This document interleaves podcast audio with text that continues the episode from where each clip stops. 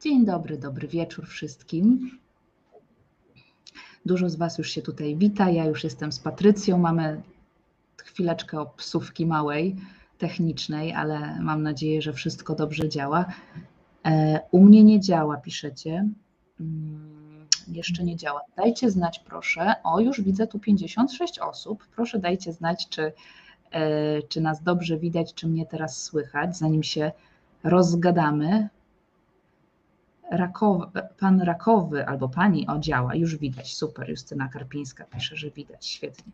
Widać, słychać, tak, dobrze. Ok, słuchajcie, kochani, witamy Was bardzo serdecznie, super teraz działa. Jakby były jakieś problemy, to piszcie nam koniecznie, będziemy nad tym pracować.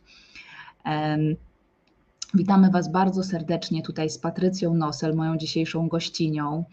E, w temacie e, uwalniania się od toksycznego wstydu i winy. To taki mój e, cykl, tak jak już widzicie, od jakiegoś czasu zajmuję się wyłącznie tym. Mój poprzedni webinar też był na ten temat, moje warsztaty są na ten temat, a teraz postanowiłam tutaj zapraszać moich ulubionych gości i osoby, które uważam, że mają naprawdę coś do powiedzenia na ten temat i, jakby wiem, że ubogacą Was tutaj swoją wiedzą, doświadczeniem. Dzisiejszy nasz e, webinar z Patrycją zatytułowałyśmy Wstyd jako fundament fałszywego ja.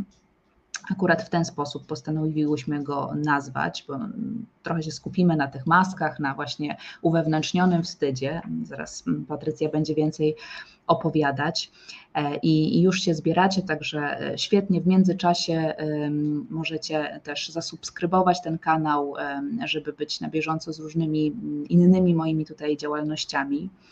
I słuchajcie, kochani, no, na początku chcę Wam przedstawić Patrycję. E, Patrycja jest e, psychologiem, jest dyplomowaną psychoterapeutką integracyjną, czyli to samo podejście co ja. Tutaj mamy wspólnotę. Jest też certyfikowaną hipnoterapeutką, słuchajcie. Pracuje z pacjentami cierpiącymi z powodu zaburzeń zdrowia psychicznego, na przykład zaburzeń nastroju, lękowych, depresyjnych, trudności emocjonalnych, dysregulacji emocjonalnej. Podobnie jak ja, specjalizuję się w psychoterapii osób identyfikujących się jako DDA, DDD, a też terapii traumy czy przezwyciężania kryzysów natury osobistej.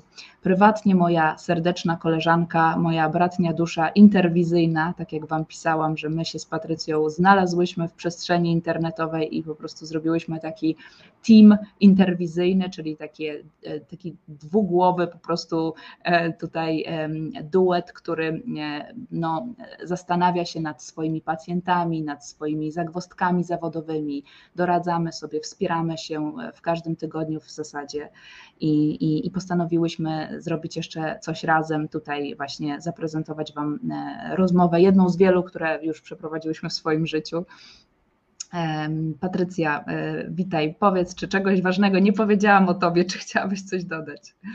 Ja wszystkich również witam bardzo serdecznie i wydaje mi się, Julia, że tak wyczerpałaś temat, przynajmniej tak ogólnie.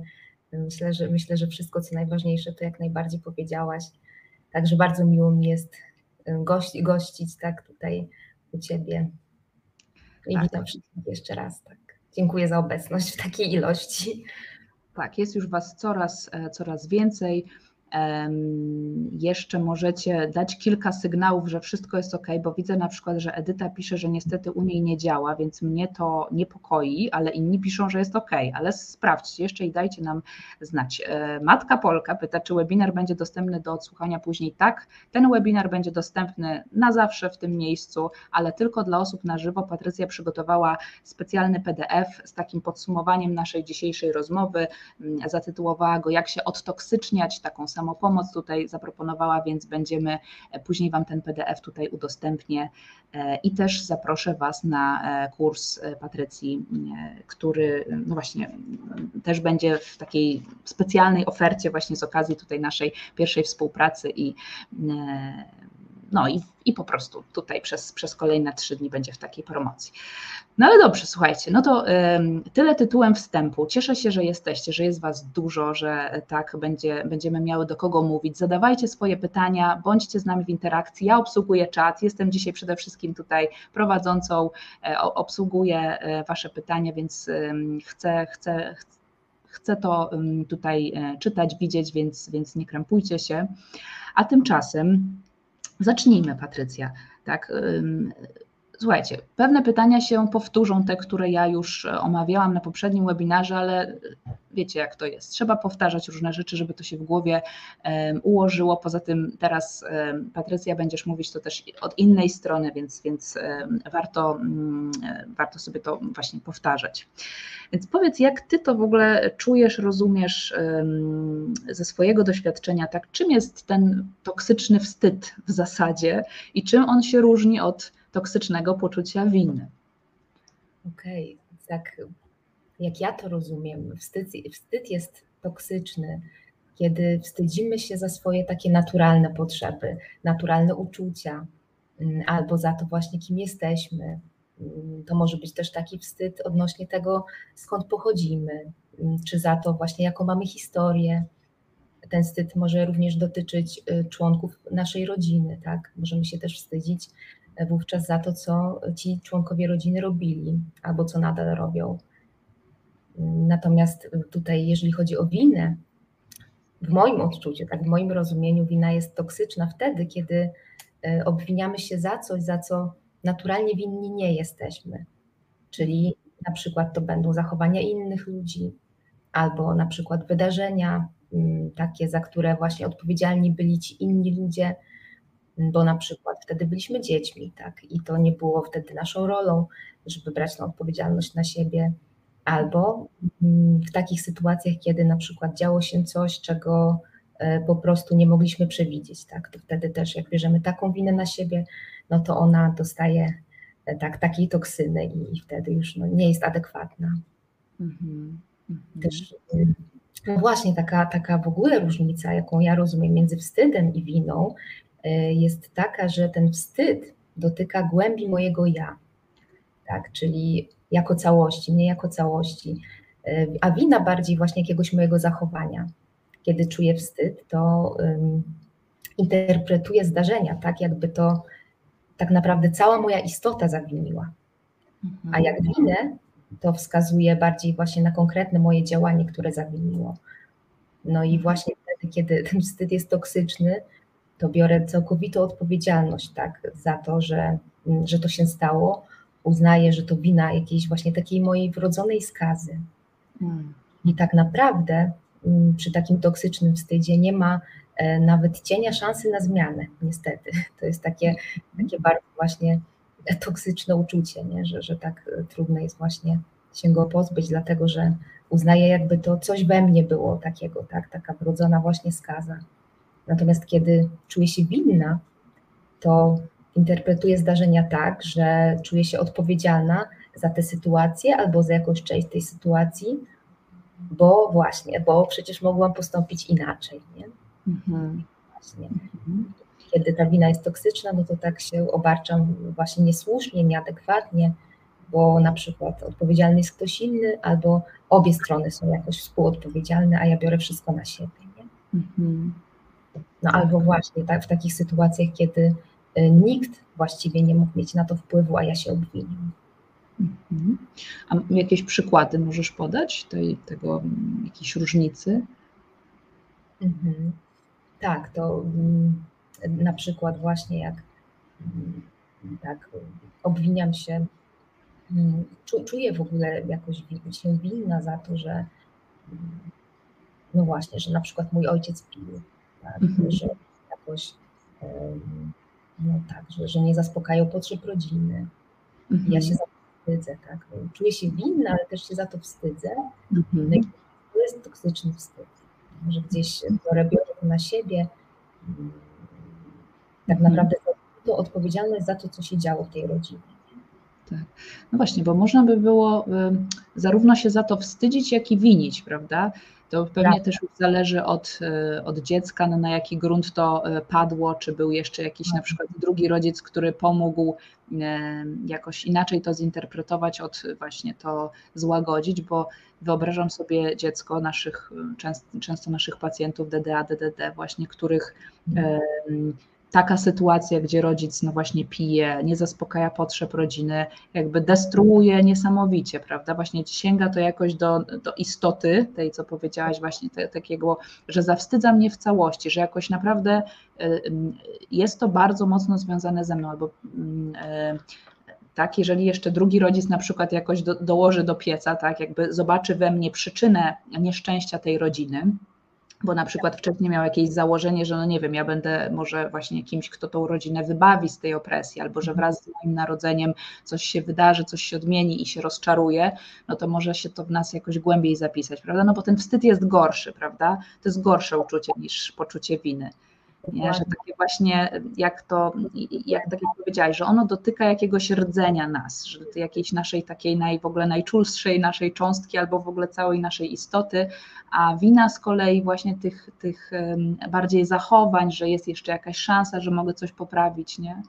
Dokładnie, dokładnie i właśnie w takich, takich destrukcyjnych rodzinach, w takich właśnie rodzinach, w których był problem alkoholowy albo jakieś inne problemy, gdzie właśnie dziecko było obarczane tymi problemami, gdzie właśnie tak jak, tak jak wspomniałaś, też nie było takiego mm, wsparcia ze strony drugiego rodzica.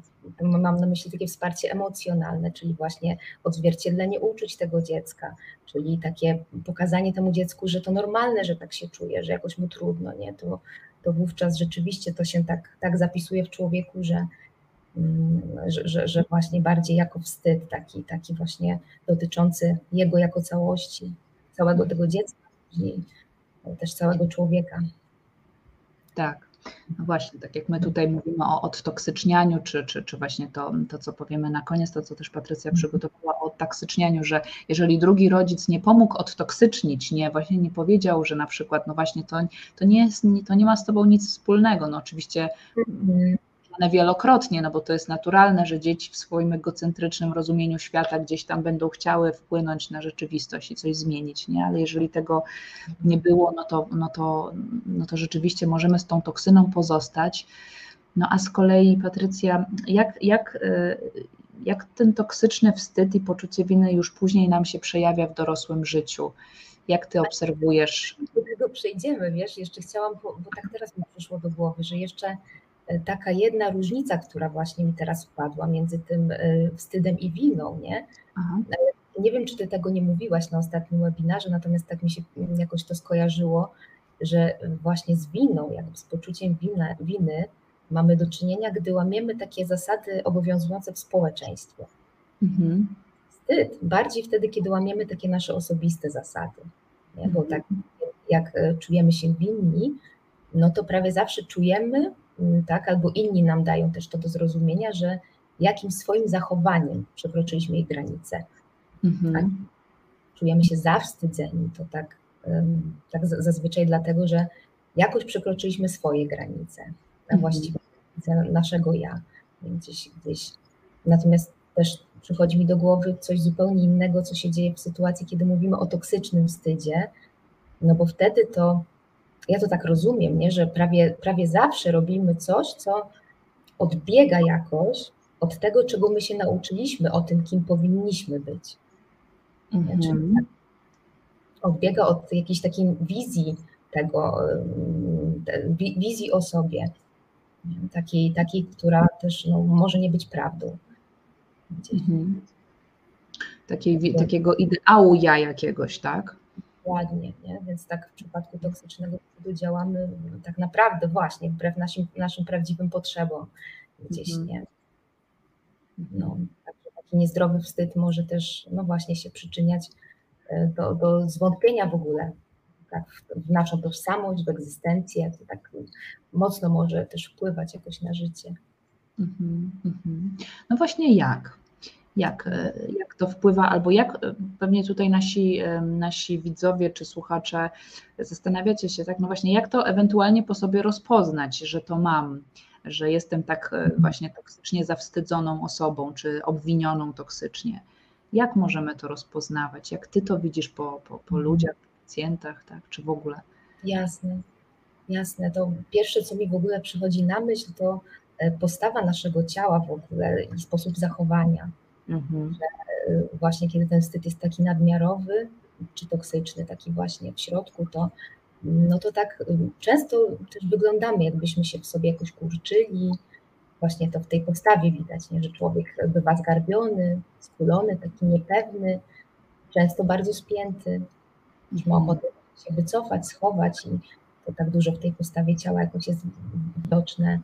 Mhm. Tak, to oczywiście no, taki toksyczny wstyd, jak gdzieś tam u osób dorosłych, może przejawiać się na różne sposoby. Mhm. Tak, mm, tak, jak czujemy się niepewni siebie, bo, bo jakby niepewność siebie też wynika z tego, z tego wstydu, no to często wycofujemy się z ważnych dla nas spraw. Czasem nawet rezygnujemy w ogóle tak z życia, nie? czyli gdzieś się zamykamy, wycofujemy, mhm. albo prowadzimy nie swoje życie. Hmm. Bo ten wstyd nie możemy tak naprawdę nawet odkryć, co byśmy tak naprawdę chcieli robić, jak mhm. chcielibyśmy żyć. Ten wstyd trochę nam e, też, też zakłóca to, to, żebyśmy mogli zobaczyć właśnie nasze prawdziwe uczucia, nasze prawdziwe potrzeby. Więc tak dobrą sprawę często właśnie nawet nie wiemy, jak byśmy chcieli to nasze życie prowadzić. Mhm. W ogóle takie poczucie zniewolenia jakoś mi się kojarzy bardzo z działaniem. Skrępowania, nie?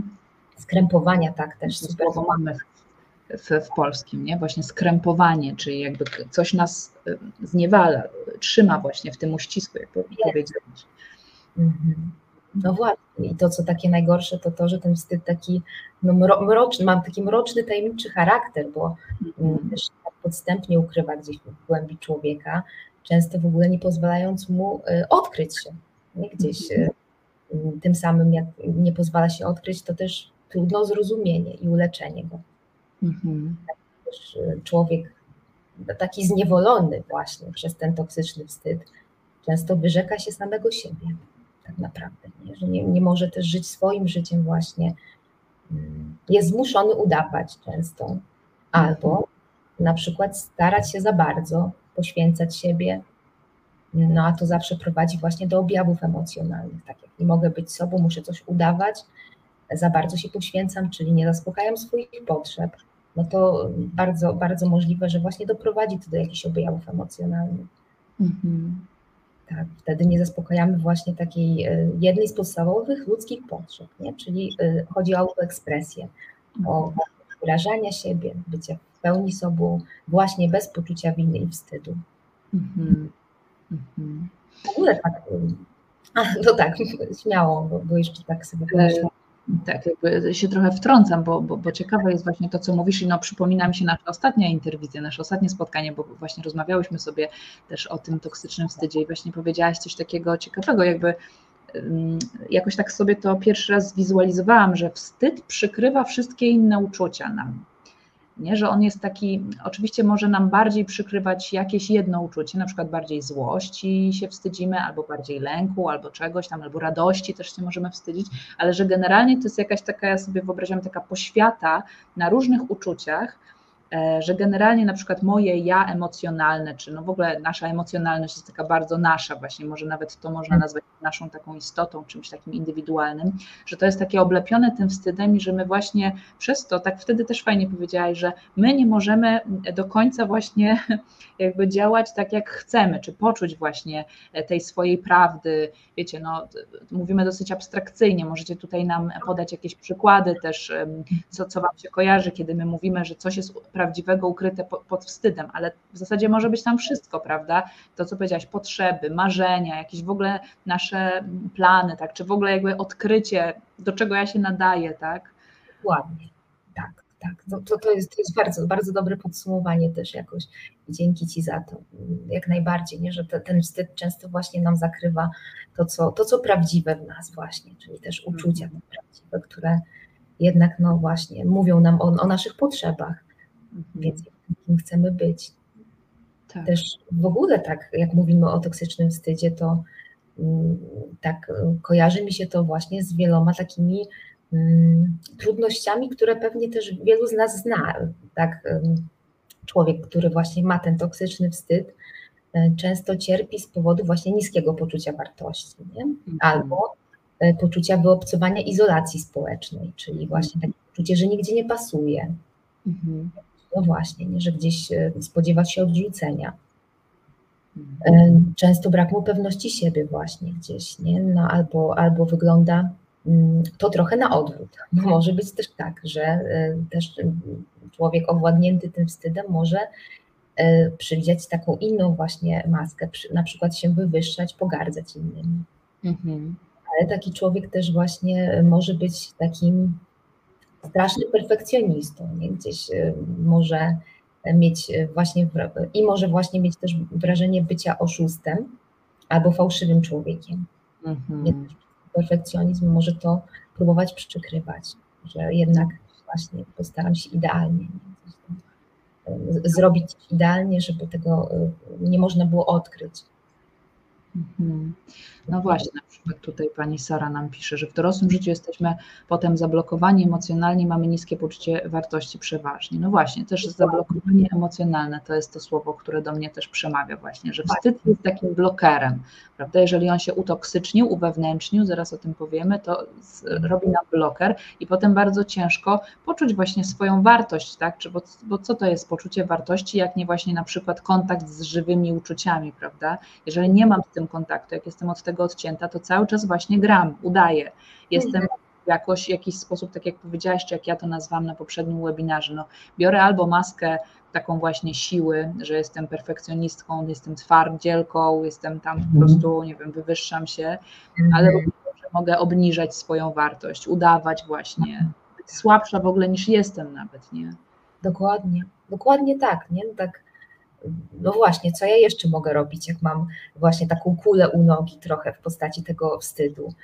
Y, też mieć tendencję do poświęcania się dla innych gdzieś tam, bo poszukuję akceptacji, bo ten wstyd gdzieś, gdzieś właśnie wynika z braku akceptacji, więc mhm. tak, y, więc, więc właśnie poświęcam się, żeby tą akceptację chociaż trochę zdobyć, no i później mogę się czuć właśnie ofiarą, albo takim męczennikiem, gdzie że poświęcam swoje życie, a nadal się tak czuję, nadal jakoś czuję się właśnie e, gdzieś, gdzieś no niezadowolona ze swojego życia.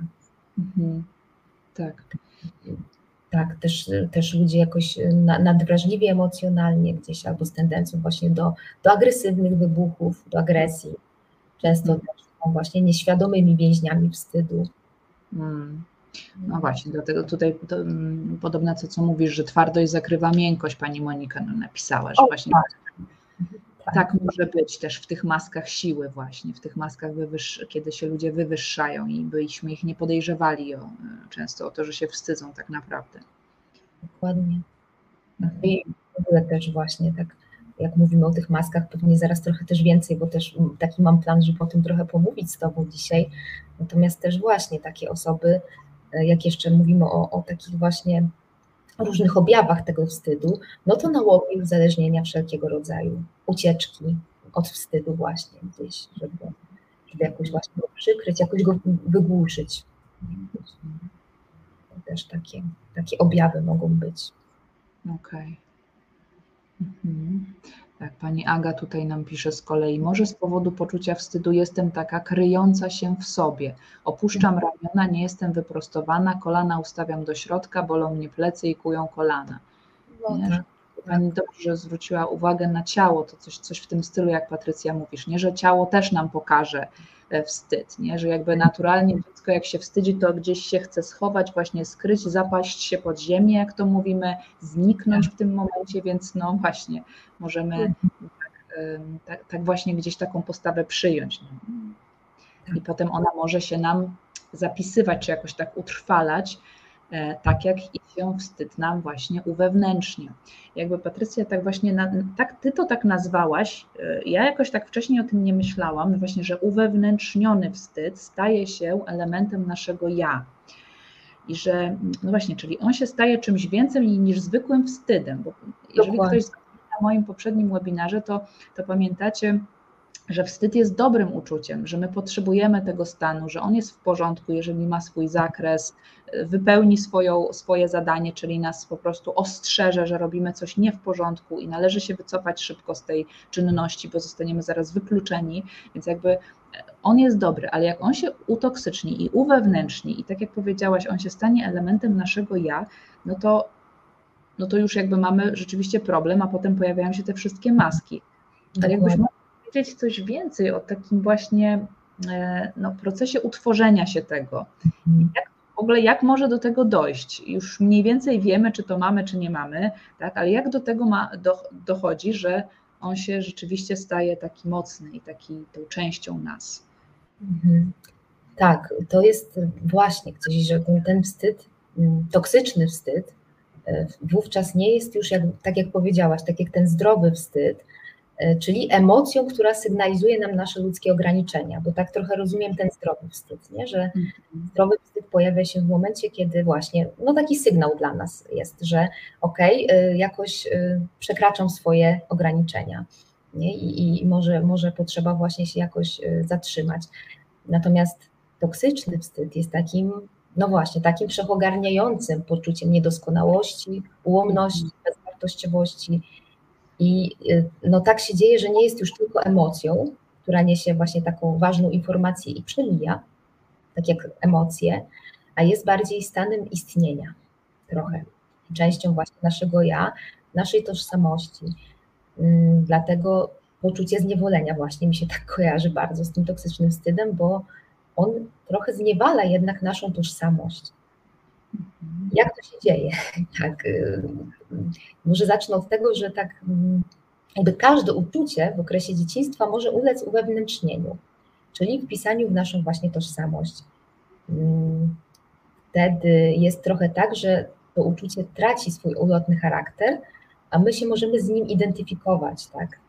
Y, czyli uznajemy, że nie jest już tylko sygnałem na to, co się z nami dzieje, to uczucie, ale w ogóle określa nas jako ludzi.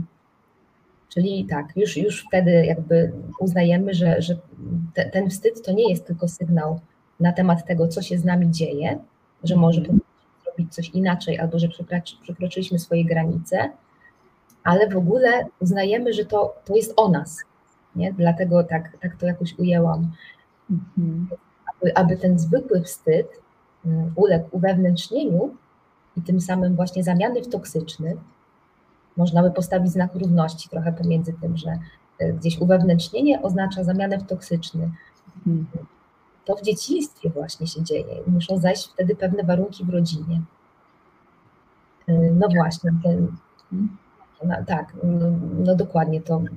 W ogóle jakby zacznę, zacznę też od, od podstaw, nie gdzieś że toksyczny wstyd wynika przede wszystkim właśnie z niezaspokojenia w dzieciństwie podstawowych potrzeb emocjonalnych, tak jak y, jakoś też mówiłaś w swoim webinarze, nie? że te, um, głównie chodzi tak naprawdę o um, właśnie o, o to, żeby dziecko czuło się akceptowane i kochane. Mhm. Gdzieś, nie? Więc, więc um, jeżeli jako dorośli wstydzimy się toksycznie, no to z dużą pewnością wychowywali nas y, też rodzice, którzy właśnie sami byli jakoś pod władzą toksycznego wstydu. Mhm. Po czym to poznajemy? Między innymi właśnie po tym, że, że no coś działo się takiego, że nie potrafili odpowiadać na nasze potrzeby emocjonalne, na potrzeby emocjonalne swoich dzieci. Kiedy dorosłym kieruje toksyczny wstyd, to on koncentruje się wtedy na tym, co go boli. I jakby mm, w żadnym razie nie może właśnie skoncentrować się wtedy na potrzebach dziecka. Wtedy ilekroć dziecko mm, będzie potrzebowało czegoś gdzieś, to rodzic będzie je zawstydzał. No bo te mhm. potrzeby dziecka wchodzą wtedy w konflikt e, z potrzebami dorosłego. Hmm. Tak, tak to rozumiem jakoś, nie? Że, że mhm. gdzieś tacy dorośli właśnie zwyczajnie jakoś nie potrafią się wsłuchać w potrzeby dziecka, no bo sami są w potrzebie, jakby sami są gdzieś, gdzieś niezaspokojeni i no i to im zagłusza też, no, tak uniemożliwia jakby to, żeby, mhm. żeby koncentrować się na dziecku. No i wtedy, kiedy rodzice sami byli właśnie zniewoleni przez toksyczny wstyd, no to e, właśnie tak najpierw ogólnie w moim odczuciu, jak to się dzieje, to jakby pierwszy warunek, jaki musi zostać spełniony też właśnie, żeby to dziecko jakoś uwewnętrzniło swój wstyd, a właściwie nie swój, tak, później mhm. dzieje, dzieje się tak, że to jest jego, no to po pierwsze to dziecko mm, y, jakby musi się zidentyfikować z tymi rodzicami, a to jest naturalny proces. Natomiast po drugie, dziecko doświadcza urazu, który jest spowodowany porzuceniem. I od, od tamtego momentu każde swoje takie naturalne uczucia, e, uczucie, popęd czy potrzebę będzie kojarzyły ze wstydem. Mhm. Najpierw wspomniałam o identyfikacji z rodzicem, bo właśnie to jest taki naturalny proces psychiczny. Mm, dzięki identyfikacji właśnie powinniśmy czuć się bezpiecznie, bo wtedy czujemy, że przynależymy do kogoś silniejszego od nas, dzieci i jesteśmy chronieni. Mhm. Taka potrzeba właśnie utożsamienia się z kimś, z kimś właśnie silniejszym, z kimś, który, kto powinien być też mądrzejszy jakoś, tak, taki gdzieś um, właśnie opiekuńczy. Patrycja, przepraszam, przerwę Ci. Nie wiem, czy tylko u mnie tak szumi, czy Ty też to słyszysz, albo czy Wy to słyszycie. Szumi, ja słyszę teraz, właśnie zaczęło. Słyszysz? Mhm. Mm. A gdybyśmy mogły założyć słuchawki? No właśnie, nie wiem, czy to się uda, bo wiesz, że ja nie wiem, gdzie mam, e, nie wiem, jak podłączyć właśnie, bo moje słuchawki są na, e, na Bluetooth, także nie wiem właśnie. Nie bardzo. No właśnie. Tak. Mhm. Piszecie, Teraz... piszecie, że szumi. Może jak ja tylko założę, to coś się zmieni, chociaż wydaje mi się, że to jest. Czekajcie. To sprawdźmy dobrze, bo o, już nie szumi. U mnie. Bardzo szumi. Tak, ktoś napisał, że bardzo szumi. U ciebie nie szumi teraz, jak ja jestem. Dajcie znać, czy teraz jest lepiej, jak ja mam słuchawki. Czy to coś zmieniło, że ja mam. Um, teraz jest teraz cisza, ale Pani Justyno, cisza, że cisza, że nic nie słychać, czy że cisza, że nie ma szumu? Może głośno głos, a nie to nie. Teraz nie szumi. Ok, dobra, czyli no. moje słuchawki są wystarczające. Dobrze, przepraszam Cię Patrycja, przerwałam. No spokojnie, cieszę się, że się udało tak zapanować nad tym. Dobra, tak, to też dalej. Małek tego, że gdzieś właśnie ja nie znam się za bardzo i też nie umiem podłączyć swoich słuchawek, ale, ale się nie zawstydziłam, jak już udało mi się. Dobrze. Jest dobrze. Okej. Okay na czym, na czym skończyłyśmy? No właśnie, na, na tej identyfikacji, nie? że jakby to taki kierunek. Powiedz, co to znaczy ta identyfikacja, nie? bo to takie może być nieoczywiste. Jak, jak my się identyfikujemy? Okej, okay, tak, to, no właśnie, ja to tak nazywam też utożsamieniem, czyli mm, jakby to powiedzieć, no to, to jest trochę tak, że no właśnie, po, potrzebujemy, to, to, jest, to wynika właściwie z, z, z potrzeby bezpieczeństwa nie? że mhm. tak naprawdę to jest w moim odczuciu ta potrzeba identyfikacji wynika z potrzeby bezpieczeństwa, no i jest taka jakby jedna z najbardziej podstawowych ludzkich potrzeb w ogóle, tak gdzieś e, taka, mi się tak wydaje, nie? Że, że z wyjątkiem potrzeby przetrwania, no to jedna z najsilniejszych, mhm. więc to jest takie, jakby taki, no właśnie, taki niezbędny warunek tego, żeby, żeby w ogóle czuć się bezpiecznie jako mały człowiek, Mhm. Że, że ja muszę poczuć, że ja mam związek z moim rodzicem, że jestem. No właśnie, jakby tak, na początku, że jestem częścią tego rodzica. Mhm. Później dopiero jakoś się uniezależniam, jakby małymi krokami coraz bardziej. Tak. Natomiast właśnie to jest takie, taka potrzeba tego, żeby no właśnie poczuć, że, że jestem że, że jestem bezpieczny, nie? że gdzieś jakby pochodzę od tego rodzica, że, że, że jest w porządku. Mhm. Nie wiem, może, może ty tak jakoś też mm, jesteś w stanie coś dodać do tego.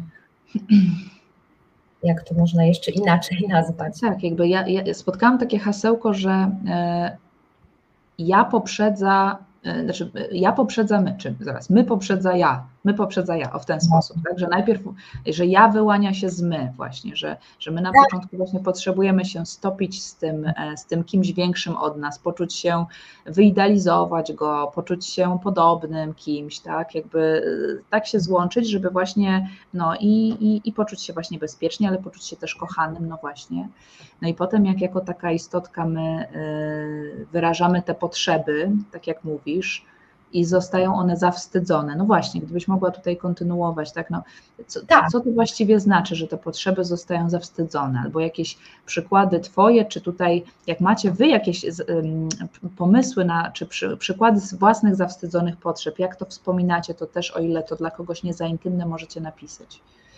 Super, tak. Mhm.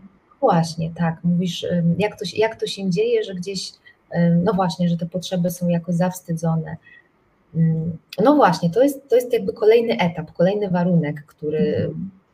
musi być spełniony, żeby ten wstyd właśnie uległ uwewnętrznieniu, czyli utoksycznieniu gdzieś, nie? żeby stał się właśnie elementem naszego ja. Pierwszy tutaj identyfikacja właśnie gdzieś, a, a drugi, mm, który powoduje właśnie, że ten wstyd się nam rozwija, umacnia, no to jakby dzieje się wtedy, kiedy od wczesnego dzieciństwa doświadczamy porzucenia ze strony rodziców. Mhm. Porzucenie gdzieś to równoznaczne jest nie tylko z takim jawnie złym traktowaniem, Aha. bo tak, gdzieś czy odrzuceniem, czy na przykład właśnie oddaniem dziecka na wychowanie komuś innemu. Nie tylko z tym. To, to też właśnie takie lekceważenie i, i też właśnie nieumiejętność zaspokojenia y, tych, tych normalnych rozwojowych potrzeb dziecka, które wynikają z jego właśnie zależności od rodzica. Mhm. Czyli gdzieś jak dziecko doświadcza porzucenia, czuje się porzucone, no to dzieje się to wtedy, kiedy właśnie ten rodzic lekceważy te potrzeby gdzieś, a no te potrzeby wynikają z zależności od tego rodzica. Dziecko samo po prostu nie jest w stanie tych potrzeb zaspokoić. No i tutaj mamy pierwsza i podstawowa, najbardziej potrzeba bezpieczeństwa. Mhm. Kolejna potrzeba właśnie dobrego, e, takiego ciepłego, takiego uważnego kontaktu z rodzicami, no i potrzeba wolności wyrażania swoich mhm. uczuć, potrzeb tak, również właśnie, kiedy jest, również dziecko doświadcza tego porzucenia w sytuacjach, kiedy rodzic będzie wykorzystywał je do zaspokajania swoich ukrytych albo jawnych swoich potrzeb, albo potrzeb rodziny. Mhm. No właśnie, gdzieś mm, kojarzy mi się takie, nie wiem, tak jak już byliśmy, były przy przykładzie rodziny alkoholowej, no to, no nie wiem, na przykład e, taki mm, posłanie dziecka na przykład, tak, e, żeby gdzieś e, odebrało skądś ojca, tak, żeby, nie wiem, namówiło ojca do powrotu, który powiedzmy siedzi na ławce, tak, w parku i, i, i ta matka wie, że ojciec siedzi tam, popija, no i mówi do ośmioletniego dziecka, żeby tego ojca przyprowadził. Jakoś tam, no właśnie. To, to, to też jest takie właśnie wykorzystywanie dziecka do potrzeb rodziny. Jak najbardziej jest to, jest to niezaspokojenie potrzeb dziecka. Tak. To taki drastyczny trochę przykład podałam, ale. No, ale tu tak, to, to, to często się zdarza, bardzo często tutaj w, w, rodzinach dysfunkcyjnych, tak, właśnie takie absolutne przekraczanie norm, czy właśnie y, niewidzenie potrzeb dziecka, właśnie może nie tyle aktywne zawstydzanie, co niewidzenie ich i tak. próba właśnie wykorzystania do, do swoich potrzeb. Chociaż tutaj na przykład pani Justyna E, mhm. Pisze tak, ja miałam się wstydzić na przykład tego, że niby głośno oddychałam. To o, mogło być jakieś aktywne zawstydzanie, tak? Jakieś takie, takich, no, takiej w ogóle, nie wiem, ekspresji, czy takiego w ogóle przejawu życia, prawda? To też, e. czy na przykład pani Aneta pisze, że ja zawsze wstydziłam się wulgarnej matki jako dziecko. Właśnie, to tutaj, właśnie. Trudno może być się zidentyfikować właśnie wtedy, nie? No ale musi dojść do jakiejś identyfikacji, no chyba, że był jeszcze ktoś inny, z kim łatwiej było się zidentyfikować, nie? Ale że, że, że wtedy no właśnie no zaczynamy się wstydzić za nią, a to przecież nie o nas świadczy, no ale dziecko tak czuje, że to o nim świadczy, bo to mama. I wierzy tym uczuciom, naturalnie wierzy, bo nie ma dorosłego, który jakby powie właśnie, jak jest naprawdę. Tak. Właśnie, bo nie ma takiego dorosłego, który Mm, będzie pełnił rolę takiego emocjonalnego lustra trochę. Tak to gdzieś, nie? Że, że, mm, bo dziecko no nie zna się na emocjach tak naprawdę. Mhm. Dlatego to, właśnie rodzicu, rodzica rolą jest y, odzwierciedlanie uczuć tego dziecka, też tłumaczenie właśnie tego, co się dzieje. Mm, gdzieś, no właśnie, jak nie mamy do dyspozycji w dzieciństwie takiego, takiego lustra, no to nie możemy dowiedzieć się właśnie też jakoś, no, no co czujemy, dlaczego to czujemy, Mhm. No i też jakoś, no, no właśnie, gdzieś jak mamy e, w zamian za to rodzica, który mm, no nie daje nam prawa gdzieś do tych uczuć, no to, no to właśnie je zawstydza jakoś. No właśnie, nie dawanie prawa do jakichś uczuć to już jest zawstydzanie. To jak jest dobre. Na przykład też tutaj pisze, mm, kostkomaniak, na przykład to zawstydzenie, że ktoś jest wstydliwy, nieodważny. Czyli prawda, to jest w ogóle, rozwala trochę system, ale tak właśnie, zawstydzanie tego, że się wstydzisz. To w ogóle rodzice często e, robią, prawda? Już się tak nie wstydź, oj idź tam, podejdź, nie zrób coś, już się tak nie wstydź, nie? Czyli, tak. że jakby nieuznanie tego, że można być właśnie tym wrażliwym, skrępowanym, nieśmiałym, prawda? Że można zupełnie w inne słowa to ubrać, a równie dobrze można to właśnie utoksyczniać, zawstydzać, że, że tak, że jakby ja chcę, właśnie mój ideał to jest, żeby dziecko moje było odważne, a jak jest nieśmiałe, no to je, no właśnie, na przykład tak, tak zawstydzam. Tak, Czy... mhm. tak. E, okej, okay, bo no właśnie, bo tak tutaj mówisz, e, tak, tutaj pan, pan podał przykład, mm, a mi przyszło właśnie jakby w odpowiedzi na myśl takie również właśnie gdzieś zawstydzanie czy obwinianie, no właśnie, jak dziecko się jakoś zachowa e, tak nie, w oczach rodzica niestosownie, gdzieś, nie? Że, że rodzicowi to będzie jakoś, jakoś nie odpowiadało, no to może również właśnie za złość zawstydzać. Mhm. Takie, takie gdzieś sformułowanie, że e, no, jesteś niedobrym dzieckiem, mhm. że, że dzieci tak nie postępują. Mhm. Tak. No, no, no możecie nam dawać tutaj znać i widzę, że dajecie jakby właśnie jakie części Was zostały zawstydzone, jakie emocje Wasze, czy jakie właśnie przejawy Waszego ja, były zawstydzane. Takie rzeczy właśnie będziemy też robić na warsztatach e, moich uwalnia się, uwolni się od, mm, od toksycznego wstydu i poczucia winy, które jeszcze nie ruszyły. Na razie zapisy są zdanie zamknięte, grupa jest uzbierana, ale być może za tydzień jeszcze mm, mm, otworzę te zapisy. Jeżeli ktoś będzie tym zainteresowany jeszcze, to też możecie do mnie napisać na Julia Kawalec Psychoterapia Integracyjna. Możecie też tutaj zasubskrybować ten kanał żeby być ze mną w kontakcie. Właśnie będziemy zastanawiać się, ale teraz już możecie się e, zastanowić, jaka właśnie moja część, jaka emocja, bo niekoniecznie cały ja, ale rodzic mógł właśnie szczególnie czegoś w nas nie lubić tak? Szczególnie właśnie coś obarczać tym wstydem, tak jak tutaj właśnie na przykład, że nie jesteś odważny, ktoś inny, że jesteś, za, że za bardzo się złościsz, za głośno oddychasz, jesteś po prostu, nie wiem, dziewczynką, nie wiem, jesteś córeczką tatusia, nie wiem, e, za mało się starasz, jesteś leniem, tak? Mnóstwo różnych takich rzeczy, e, które no właśnie, tak jak mówisz, potem nam się jakoś uwewnętrzniają i tworzą właśnie jakiś nadpsuty obraz siebie, prawda? Bo tak. Bo jak to z tym obrazem siebie z kolei jest, tak? Że jakby, że to uwewnętrznia się i my zaczynamy jakoś siebie właśnie widzieć w tym lustrze. To, co mówisz, że ten rodzic nas nie odzwierciedla, on nie widzi nas jakby czysto, nie, nie nazywa nam tych emocji tak po prostu, żeby nas nauczyć świata emocji, tylko to krzywe zwierciadło coś nam robi w obrazie siebie. Jakbyś mogła coś, coś powiedzieć, Patrycja, o obrazie się dokładnie, nie? Że, tak, tak jak mówisz, że gdzieś mm, wówczas kształtujemy taki obraz siebie, który tak naprawdę no, nie jest tym prawdziwym obrazem, bo mhm. przecież możemy tak naprawdę dowiedzieć się, mm, jacy jesteśmy, mm, przez to, że też nie mamy się w kim obejrzeć. No tak, dlatego użyłam trochę tej, tej metafory lustra, nie? że taki rodzic właśnie, zwłaszcza we wczesnym dzieciństwie jest takim, takim dla nas lustrem.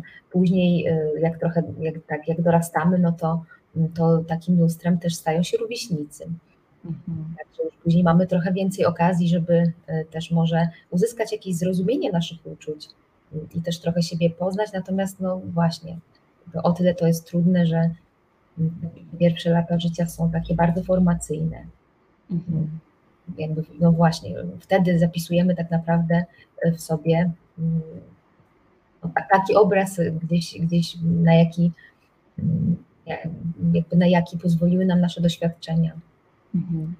Tak, no właśnie, wstyd odnosi się do oceny osoby jako całości, mhm. więc oczywiście bardzo wpływa na ten obraz. Z kolei Y, no tak, tak, tak jak wspomniałam, ten obraz już, już to kształtujemy we wczesnym dzieciństwie, właśnie w oparciu o to, mm, jak będziemy interpretować kolejne wydarzenia w rodzinie. Mhm. I tak, może właśnie jakiś taki szerszy przykład mm, tak, takiego kształtowania obrazu siebie poprzez właśnie tą interpretację zdarzeń opartą właśnie o wstyd. Mhm. Mm, bo oczywiście my się tutaj jakby koncentrujemy głównie na tym toksycznym wstydzie, bo, bo o tym dzisiaj mówimy, aczkolwiek oczywiście różne inne uczucia trudne też, też wpływają na, na kształtowanie obrazu siebie, no ale tak skupimy się jakoś na tym wstydzie głównie. Tak, no, wyobraźmy sobie takie dwuletnie dziecko, nie? Dwuletnie dziecko i ono bawi się sobie, załóżmy klockami, mama gdzieś obok siedzi, ogląda telewizję, no i dziecko wyciąga rączkę z klockiem do mamy, próbuje ją jakoś wciągnąć do zabawy, ale mama nie reaguje no to podchodzi i macha klockiem gdzieś tam przed twarzą tej mamy. I mama się wtedy denerwuje, e, spogląda niezadowolona, no i odsuwa dziecko i powiedzmy, że dodaje, tak, nie wolno mamie przeszkadzać teraz. Mhm. Dziecko odchodzi zawstydzone właśnie, zawstydzone, bo no tak, oczywiście sobie tam nic nie myśli świadomie, ale czuje ten wstyd, który niesie taki podświadomy przekaz. Jestem jestem niedobry, tak, bo przeszkadza mojej mamie. Mhm. Moja, jeszcze jeden taki przekaz, nie? Gdzie, że moja potrzeba zabawy i kontaktu z mamą jest zła. Mhm. Powinienem się wycofać, zahamować.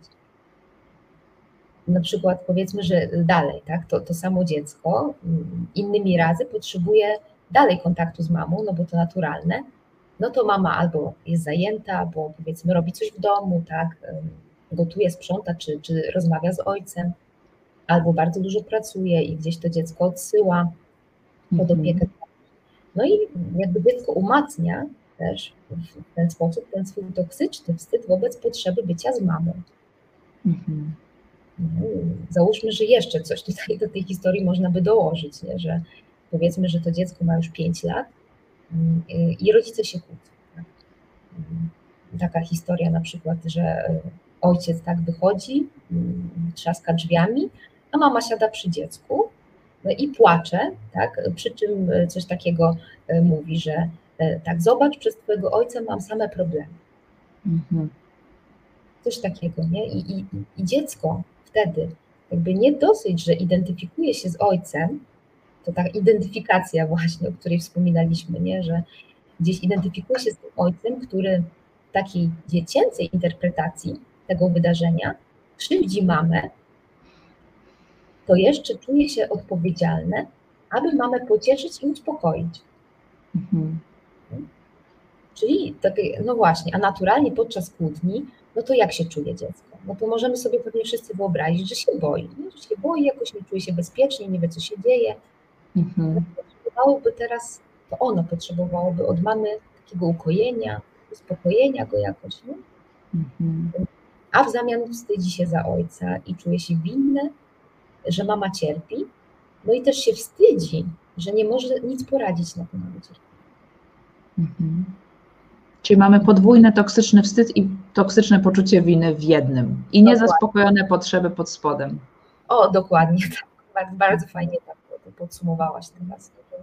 Nie dość, że jest ta, ta, właśnie ta identyfikacja tego wstydu e, za ojca, nie, że, bo, bo ojciec krzywdzi, on jest niedobry, wstydzę się za niego, to jeszcze czuję się winny, winny jakby, jakby, że mama moja cierpi i jeszcze się wstydzę właśnie za to, że, że nie mogę nic z tym zrobić.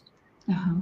Nie? I, i, I tak też właśnie to dziecko podświadomie interpretuje to zdarzenie. Nie? Mhm. Tak jak się czuje, dokładnie tak jak się czuje. Nie? Czyli no, przychodzi mi na myśl ta, takie przekonanie głębokie, nie? że jestem zły jak ojciec, bo nie umiem mamie pomóc tak, albo bo krzywdzę jakoś, nie wiem, bo nie wiem tutaj akurat, bo nie umiem pomóc, bo dziecko nic tutaj jakoś nie zrobiło, nie, ale tak. No i wyobraźmy sobie dalej, że to dziecko dorasta jakoś do mhm. poziomu nastolatka i, i, i jakby już w tym momencie ten jego obraz siebie jest właśnie zniekształcony przez ten toksyczny wstyd, no i właśnie te interpretacje, które jakby za tym szły, nie? Mhm. Także, no właśnie, i przypuśćmy, że chce nawiązać bliższy kontakt z koleżankami w klasie, no to automatycznie odczuwa wstyd za tą potrzebę. Dokładnie tak jak z mamą był. Nie? To no znaczy? Mhm. W sensie, tak. mów, mów dalej, okej. Okay. Zaciekawiam się, zaciekawiam się. Okej, okay, okay. No właśnie, nie? Tak, to, to znaczy, że jakby czuję się podobnie jak wtedy z mamą, gdzieś jak, jak to małe dziecko, tylko oczywiście sobie tego nie uświadamia, natomiast to jest takie no podobne też uczucie, taki wstyd, nie? Że, że ja mam potrzebę jakby nawiązać ten kontakt, ale właśnie mam w głowie, że to ja jestem beznadziejny i, i, jakby, i jakby mam przekonanie, że i tak mnie jakby, no właśnie, że nikt nie będzie chciał i tak się ze mną zadawać. Mhm. Że żadna dziewczyna nie będzie chciała się ze mną zadawać, bo to wynika z tego, no właśnie, z tego przekonania, które jest jakby też od wstydu idzie, nie? Że, że ja jestem, no właśnie, że ja jestem beznadziejny i nic z tym nie można kurczę zrobić. Mhm. Mhm. No i tak, no, no właśnie, nie wiem, że gdzieś e, załóżmy, że, że później jest dorosły ten człowiek, no i również może odczuwać wstyd, kiedy mm, podobnie jak w dzieciństwie na przykład potrzebuje kontaktu z kobietą, takiego ciepłego jakiegoś właśnie, czy w ogóle, o, nawet w ogóle wsparcia od innych. Aha. Już może odczuwać wstyd? Bo, bo jakby nigdy tego wsparcia wcześniej e, nie, nie dostał. I, mhm. no i gdzieś jakby z taką potrzebą od razu kojarzy wstyd. Mhm. Przy czym co, co jakoś uwewnętrznił, przy, razem z tym wstydem, nie? Że, że to z nim jest coś nie tak. Mhm. Skoro się tak czuje, skoro nie umie nawiązać relacji, skoro nie umie prosić o pomoc. Mhm. Zatem jakby, no właśnie, jego obraz siebie jest zdeterminowany właśnie jakby w dużej mierze przez ten wstyd, toksyczny wstyd, ten właśnie w środku. Bo od zawsze uczył się mm, wstydzić właśnie za swoje naturalne potrzeby, no i za swoje naturalne uczucia, ale także właśnie za innych, nie, gdzieś z tej rodziny, no i stało, to stało się jakby ta, taką podstawą tej negatywnej wizji samego siebie, tego obrazu mm. siebie. Mm-hmm. Okay. Nie jestem pewna, gdzie stawiasz kropki, e, Patrycja, dlatego nie wiem, gdzie mogę wejść. Jakbym ci przerywała, jakbym ci przerywała, to mi mów. Czy teraz skończyłaś? Tak, tak, możesz mówić rzeczywiście. Więc tak. E, tak. Nie, wiem, nie wiem, gdzie się, nie chcę Ci przerywać, ale właśnie to jest bardzo ciekawy przykład i jakby można to dobrze zapamiętać, właśnie taką, zobaczcie, bo ja, ja, ja tak naliczyłam właśnie, dwa toksyczne wstydy i jeden, jedna wina, że to dziecko się właśnie identyfikując naturalnie z ojcem, będzie się wstydzić za to, że ojciec jest niedobry, nie może pomóc matce, e, więc się wstydzi za swoją bezradność, znaczy tak, nie może, tutaj no nie może się winić, może się wstydzić, że ona płacze i że ono nie może go pocieszyć i będzie się czuło zawstydzone też swoją bezradnością, że nie może zmienić tej sytuacji, a to, że się boi, naturalnie jak dziecko, że się wydarzyła kłótnia i może rodzina wisi na e, włosku, nikogo jakby nie interesuje. Nie? Czyli właśnie to niezaspokojone wewnętrzne dziecko, czy to skrzywdzone wewnętrzne dziecko, też Was tu odsyłam do innych moich webinarów na tym kanale, możecie zasubskrybować, jak tu jesteście i obejrzeć sobie skrzywdzone wewnętrzne dziecko, że ono jakby pod spodem jest w ogóle niezaopiekowane, a na górze zawstydzone właśnie różne, różne potrzeby, różne w ogóle nie nasze właśnie sprawy, tak? I tak jak mówisz, potem wchodzisz w grupę rówieśników, nie wiem, e, i, no, i, no i wstydzisz, nie możesz się odnaleźć, tak? Nie możesz w ogóle jakby połączyć się z naturalnymi swoimi jakimiś tam preferencjami, tak, uczuciami. No i kurczę, naprawdę, no i ten twój obraz jest bardzo, e, bardzo zniekształcony faktycznie, a, jak, a wiadomo, to potem efekt kuli śnieżnej, prawda? Czyli jakby ludzie tak. Ludzie nas, e, no jakby taki, jaki my obraz przedstawiamy siebie, taki, taki no ludzie widzą jakoś i, E, i, i zaczynają też nas tak traktować, prawda? Czyli na przykład nie szanować jakoś nas, albo jakoś nie, nie, nie, nie, nie odzwierciedlać też tej prawdy, nie? Aż, aż trafimy do psychoterapeuty, który nam znajdzie to wewnętrzne dziecko. Nie? I oby tak było, nie? że gdzieś trafimy. Tak. No tak, bo tak jak, tak jak fajnie to jakoś podsumowałaś, nie? że tam, e, no tam jest tak dużo, dużo wstydów i też jest ta wina, nie? Natomiast tak bardziej skoncentrowałam rzeczywiście na tym wstydzie, bo, bo on jest taki dogłębny, nie? Gdzieś i tak e, i się lubi ukrywać, nie? Gdzieś, że w sensie może nie tyle co wstyd akurat w tym przykładzie się ukrył, ale no bo to dziecko, jakby ten nastolatek później czuł ten wstyd, mhm. był go jakoś pewnie świadomy, natomiast tak jakby powody, dla których się wstydzi, się ukryły, takie prawdziwe, nie? Że, że tak naprawdę no to nie o nim, to nie, to nie w ogóle o nim. Nie? Tak niczego doświadczył. Pani Sara pisze, też tak miałam, czułam się odpowiedzialna za uczucia rodziców, ignorując swoje własne. Pani Mirka, ja też byłam w roli przeprowadzania ojca i wstydziłam się za niego całe moje dzieciństwo i młodość, a teraz wstydzę się za męża. Pani Ola, mam poczucie winy za swoje potrzeby, uczucia. Gdy coś czuję, to tłumaczę w tym innych. Staram się zawsze zrozumieć ich punkt widzenia. Łatwo mnie wplątać w poczucie winy. Mhm. I, tak, pani Aneta też. Ja byłam odpowiedzialna też za rodziców, przyjęłam ich rolę jako dziecko. Okej. Okay. Świetny przykład. Znaczy bardzo przykre, nie? Ale tak jakoś bardzo to oddają. Tak. O, pani Justyna pisze, muszę przyznać, że ten temat jest dla mnie trudny i musiałam wziąć kolorowankę, żeby jednym uchem słuchać, a resztę trochę rozproszyć kolorowaniem. Pani Justyno, to yy, w ogóle świetny pomysł, że pani potrafi się tak złapać ten moment, że już jest za trudno i trzeba się wyregulować prawda? Że to już znaczy, że ma Pani kontakt z takimi uczuciami, że na przykład już, już mnie to przytłacza, czy cokolwiek i troszeczkę się Pani od tego odłączyła i do tego zachęcam wszystkich, którym, którzy poczują, że jakoś się mocno identyfikują i, i tak, temat jest trudny, nie ukrywamy tego, bo jesteśmy tutaj też po to, żeby no, na koniec Wam dać jakieś światełka w tunelu oczywiście, na razie jest jeszcze ciemno, ale będziemy no. zmierzać ku, ku rozwiązaniom, ku jakimś tak, oczywiście nie takim, wiecie, tutaj nic nie rozwiążemy e, w parę minut do tego, tego jest potrzebna psychoterapia, różne warsztaty, będziemy też Wam to proponować, ale mm, na razie chcemy właśnie uchwycić tą istotę tak, problemu, jak, jak do tego doszło, nie? czy właśnie jak to się uwewnętrzniło i też, żeby w pewnym momencie powiedzieć Wam, że no, to nie Twój wstyd, tak? to nie, nie, jakby nie było to oparte na prawdziwym defekcie. To jest jakby takie moje ulubione hasło wokół tego tematu, że toksyczny wstyd nie jest oparty na prawdziwym defekcie nie? że to jest tak. oparte albo na cudzej, cudzych wstydach, albo na cudzych y, właśnie winach, czy jakichś tam innych wydarzeniach, nie? a nie na naszych, chociaż musieliśmy się z tym zidentyfikować, dlatego tak, y, tak to zostało właśnie mocno uwewnętrznione. Dokładnie. Sprawdź, czy coś jeszcze do tego, czy, czy idziemy dalej. No tak, właściwie chyba tak no, myślę o tej winie jeszcze, nie? że gdzieś ta wina też tam oczywiście jest, nie? Że, tylko że ona jest taka może bardziej z reguły jawna, nie? że gdzieś mhm. łatwiej pewnie zidentyfikować ją, więc jakoś sobie z tym pewnie radzić łatwiej, nie? że gdzieś poczucie winy tak bardzo jak wstyd nie wpływa na obraz siebie, bo jakby bardziej na interpretację sytuacji, zachowania.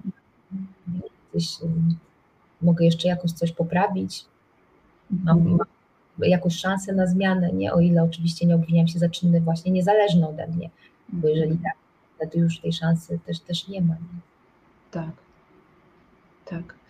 No, w każdym razie podsumowując może tą część, to warto, ja sobie za, zabieram z tego właśnie ten obrazek dziecka podchodzącego z mamą z tym klockiem właśnie, bo to jest takie jakby, no zobacz moją potrzebę. Ja sy, klocek tak. jako symbol, słuchajcie, możecie to zapamiętać, jako symbol tych moich różnorakich potrzeb. Cokolwiek by było na tej ręce, to ja przychodzę do rodzica, żeby on to zobaczył, dostrzegł, właśnie powiedział, o wow, to masz, e, to super, jakby odzwierciedlił właśnie te uczucia, nawet jak się nie będzie akurat teraz bawił z tobą, bo może naprawdę teraz nie może, bo to nie o to chodzi, że on musi rzucić wszystko i się bawić tym klockiem, tylko żeby zobaczył tą potrzebę, uważnił, dobrze, widzę, że się bawisz, tak, jest fajnie, mama do ciebie przyjdzie tam później, nie? Żeby, żeby właśnie nie, nie, nie było to poczucie, że no właśnie nie wiem, co się ze mną dzieje, dlaczego to było złe. No, oczywiście odwołujemy się tutaj do jakiegoś dwulatka, trzylatka, więc on sobie tego nie, nie wykmini, co się wydarzyło, tylko właśnie zleje jego ciałko poczucie że jest niedobrze, jest wstyd, jest źle, muszę odejść, tak? A jeżeli oczywiście to doświadczenie się powtarza, bo to nie chodzi o jedno jakieś tam,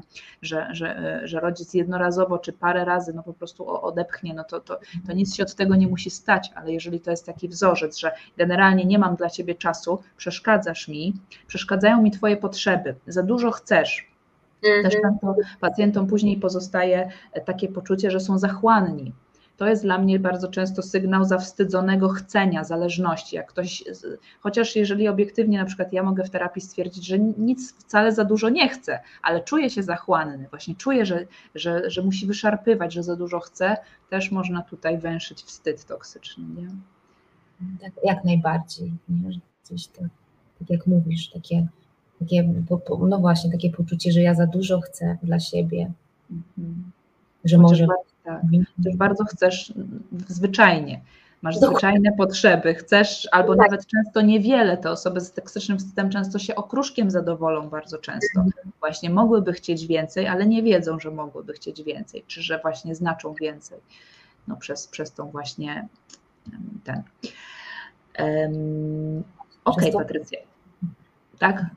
Y, tak, mówisz o masce chyba teraz, nie? No właśnie, właśnie przejdźmy do tytułu, słuchajcie, naszego tutaj webinaru. Wstyd jako fundament fałszywego ja. Patrycja takie, ułożyła takie, takie zdanie, które też bardzo mnie chwyciło jakoś za serce, że to jest właśnie, że to może być podwalina tych naszych masek, bo wiecie, jak mówię fałszywe ja, to rozumiemy przez to maski, czyli coś, co nas zakłania, zasłania nasze to prawdziwe ja, które tam często jest właśnie niedokochane, niedostrzeżone i tak dalej. No i my oczywiście musimy e, z tym wstydem sobie w jakiś sposób radzić, jakoś się zakamuflować, żeby no nie było widać tego całego naszej masakry wewnętrznej, przynajmniej tak się czujemy, że to jest masakra i, i powiedz, jakby, jak, jakby co, co rozumiałaś, e, co rozumiesz właśnie przez, e, przez to hasło wstyd jako fundament fałszywego ja i właśnie jakie są te strategie, tutaj więcej może powiesz. Okay. no tak, tak jak najbardziej, też mam, mam ochotę już przejść do tych strategii i tak, e, no właśnie, gdzieś, gdzieś tak, tak jak wcześniej powiedziałyśmy, ten wstyd właśnie zniekształca obraz siebie, za tym idzie, no, no właśnie za tym bardzo często też zaburza zaburza właśnie nam funkcjonowanie naszego, tego autentycznego ja. Przez to mhm. właśnie, że te maski właśnie, nie? No właśnie, ale ten wstyd działa tak, że my się boimy tak naprawdę e, skonfrontować z prawdą o sobie, albo właśnie nawet do końca nie znamy tej prawdy, bo mhm. przykrywają stos nieprawdziwych przekonań o sobie właśnie, o sobie, o świecie, które ukształtowały się przez nasze przeszłe doświadczenia. Mhm. Głównie te właśnie w relacjach z najbliższymi. A u podstaw tego, no właśnie, i więc u podstaw tego toksycznego wstydu leży lęk. Ja bym go nazwała takim lękiem przed zdemaskowaniem się we własnych oczach. Aha. Wstydzimy się jakby wtedy swojej takiej ludzkiej niedoskonałości, bo uznajemy ją za złą. Między innymi właśnie przez te przekonania, jakie już mamy, a typowy lęk właśnie, jaki nam towarzyszy, no to takie poczucie, że, y, że wszystko się wyda. To mi się jakoś tak bardzo, bardzo, bardzo wybrzmiewa jak ten, jak ten lęk, nie? że tak wszystko się wyda, jeśli nie będę trzymać się właśnie mojej maski. Mm-hmm, mm-hmm. Zatem, kiedy y, jakby już w dzieciństwie doznajemy toksycznego wstydu, no to on skłania nas do podejmowania różnych prób ucieczki, nie? gdzieś już w dzieciństwie, przed właśnie tym e, prawdziwym sobą, którego no, no jakby uznajemy za złego, bo, bo, no, bo tak uznajemy, że, że no właśnie to, to ze mną jest coś nie tak. No i tak sobie też próbujemy instynktownie poradzić z tym uczuciem, toksycznym uczuciem. A żeby też y, jakby uciec, uciec przed sobą, y, tym zawstydzanym przez rodziców, no to tworzymy właśnie fałszywy ja, czyli Czyli no tak jak, tak jak powiedziałaś, to właśnie chodzi o tę maskę, trochę taką jakby nową tożsamość, mhm. sami nawet, nie? Na potrzebę właśnie, właśnie na jaką potrzebę? Na potrzebę złagodzenia tego cierpienia, które nam się towarzyszy, albo też na potrzebę właśnie spełnienia oczekiwań dorosłych, żeby choć trochę jakoś bardziej mnie właśnie zaakceptowali. Mhm. No i tak, no, no właśnie, te, te, te, maski, które y, umie ubierać, y, tak, które jakoś y, to, to fałszywe ja ubiera, to też, też trochę Julia mówiłaś no, na poprzednim webinarze. Natomiast właśnie, to, jakie one są. Gdzieś, no właśnie, ono umie ubierać jakby taką maskę dostosowywania się do potrzeb innych, mhm. albo działania ponad swoje siły, mm. Albo na przykład umie wmawiać sobie tak, że, że niczemu nie podoła, wmawiać sobie z góry porażkę i przez to rezygnować w ogóle z podjęcia działania. Mhm. Ale tak, no właśnie, tak pomyślałam sobie to, co, to czym różni się to nasze fałszywe ja, czyli maska, mhm. tego autentycznego ja, czyli prawdziwego mnie faktycznie, nie? No to mm, ja to tak rozumiem, nie? że to zawsze bycie albo nazbyt, albo nie dosyć ludzkim. A. że tak, Właśnie, to, to, to jest taka jakby kierunek, jak to rozróżniać, że staram się być albo za bardzo gdzieś, albo nazbyt ludzki, albo niedość ludzki. Mhm. No i to właśnie e, tak określają rodzaje tych masek, o których opowiadałaś poprzednio, że tak mm, powiedzmy, że za sprawą właśnie naszych doświadczeń z przeszłości kształtujemy maskę, maski ponadludzkie. Mhm. Staramy się być nad, nazbyt ludzkimi, ponadludzkimi, no to prawdopodobnie ubieramy wtedy właśnie maskę perfekcjonizmu, gdzie działamy w myśl zasady takiej, że e, spróbuję zrobić wszystko idealnie, po to, żeby nie mieć się czego wstydzić potem. Albo, albo właśnie taka maska nadodpowiedzialności i kontroli. Że, że chcę za wszelką cenę mm, uratować kogoś na przykład, nie? Pomóc komuś nawet kosztem samego siebie. Albo właśnie takie sytuacje, w których chcemy wpłynąć na coś, na co wpływu na pewno nie, nie możemy mieć. To tak rozumiem jako właśnie taką, takie, takie bycie trochę ponad, nie? że chcę być ponadludzki. Chcę, chcę zrobić coś, jakby czego nie mogę dokonać, ale muszę to zrobić, żeby właśnie nie dać się zdemaskować, że, że jestem tym człowiekiem, który jest niedoskonały, nieidealny, czyli normalny, jakby nie, że nie jesteśmy wszyscy. Natomiast właśnie jeszcze mm, te, ta druga jakby sfera tych masek, ja tak to właśnie na te strefy dwie rozdzieliłam, że, że nazbyt ludzki i nie dość ludzki, mm, no to te ponadludzkie jakby rzeczy, nie? gdzieś te, te ponadludzkie um, nie, ponad, nie dość ludzkie, tak. Mhm. Nie dość ludzkie, tak, ponadludzkie właśnie, właśnie, chociaż jeszcze mi przychodzi coś takiego, gdzie jesteśmy nazbyt ludzcy, albo chcemy właśnie być trochę nad człowiekiem. Mm, na przykład jak właśnie zaprzeczamy prawdzie, czyli na przykład krzywdzie, której doznaliśmy w dzieciństwie. I tutaj y, kojarzy mi się takie właśnie mm, poczucie, czasami tak też niektórzy klienci coś takiego wyznają, że na przykład ja od zawsze byłem e, silny, mnie to nic nie rusza. Tak? Nigdy mnie nic nie ruszało. Miałem gdzieś takich rodziców, tak, powiedzmy, na przykład wcale ich nie potrzebowałem. No to zaprzeczamy właśnie trochę swojemu człowieczeństwu, nie? że kurczę, jak jesteśmy dziećmi, to po prostu potrzebujemy. Każdy dziecko potrzebuje. Gdzieś staramy się właśnie tak utwardzić. Mhm. To jest maska takiego utwardzenia, która mhm. skłania zaprzeczać temu, co było. Mhm też właśnie, no nie wiem, inna maska, jeszcze agresja, tak, że gdzieś, nie wiem, odstraszy wszystkich, powiedzmy, nic mi na pewno nie podskoczy. Mhm. Już mnie wtedy nikt nie zawstydzi. O właśnie. Tak. Nikt nie zobaczy tego, nie? Już lepiej, nie żeby się mnie bali, niż ze mnie, nie wiem, szydzili na przykład. Oj, dokładnie, no właśnie, jakoś zawsze, jak w punkt, jak zwykle. Mhm. Mhm. Tak, pani Ola pisze, że ma to wszystko. Pani Aneta, a propos tych masek, poświęcanie się, grzeczne dziewczynki, grzeczne dziecko, e, zaspokajanie potrzeb innych, pomijanie swoich własnych, pani Sara, tak. E, Pod, działanie nastawione na innych, żeby ich zadowolić i dogonić czyjeś standardy. Mhm. Tutaj jeszcze taka nazwa syndrom Atlasa, pokonam wszystko, choćbym miała się wypalić. O, to twardy. Tak. Mhm, mhm. Takie utwardzanie właśnie. Hmm. Tak. Nadodpowiedzialność i perfekcjonizm to moje maski. Mhm. O, pani Sa, właśnie, tak słyszałam już gdzieś to hasełko. Mój tata tak mi ostatnio powiedział, albo się ciebie boją, albo cię szanują. No o. właśnie.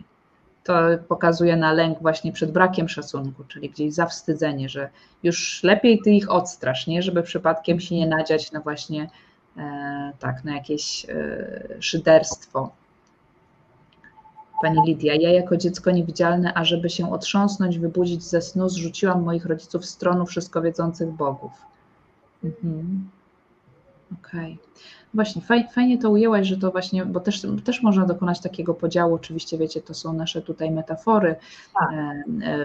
W psychoterapii byśmy powiedzieli mechanizmy obronne czy schematy interpersonalne, intrapsychiczne, ale żeby to przybliżyć jakoś, prawda, żeby nam sobie łatwiej można było wyobrazić to, to właśnie, że maski nadludzkie albo, jak powiedziałaś, nadludzkie albo poniż... Nie dosyć ludzkie jakoś. Nie, nie? dosyć ludzkie, właśnie. właśnie. To też pasuje, nie? To, to, to właśnie, zaraz sobie też o nich, nie? Bo to tutaj to, co gdzieś tam mi przychodziło mm, też do głowy, to takie te, te, te ponadludzkie, czyli właśnie to taki ten perfekcjonizm i to utwardzanie się gdzieś, nie? I takie mm, no właśnie, a tutaj mamy jeszcze tą drugą taką właśnie sferę, nie? Gdzieś tych, tych masek właśnie takich, jak ja, jak ja to właśnie nazywam po swojemu, nie, nie, nie dość ludzkimi. Mm, takie, no właśnie, to ty chyba nazwałaś to maskami słabości? Mhm. Tak. Coś takiego, nie? U mnie to były maski siły, maski słabości i jeszcze te niewidki, czyli te od ucieczek. Ale powiedz, jak ty to czujesz? Mhm.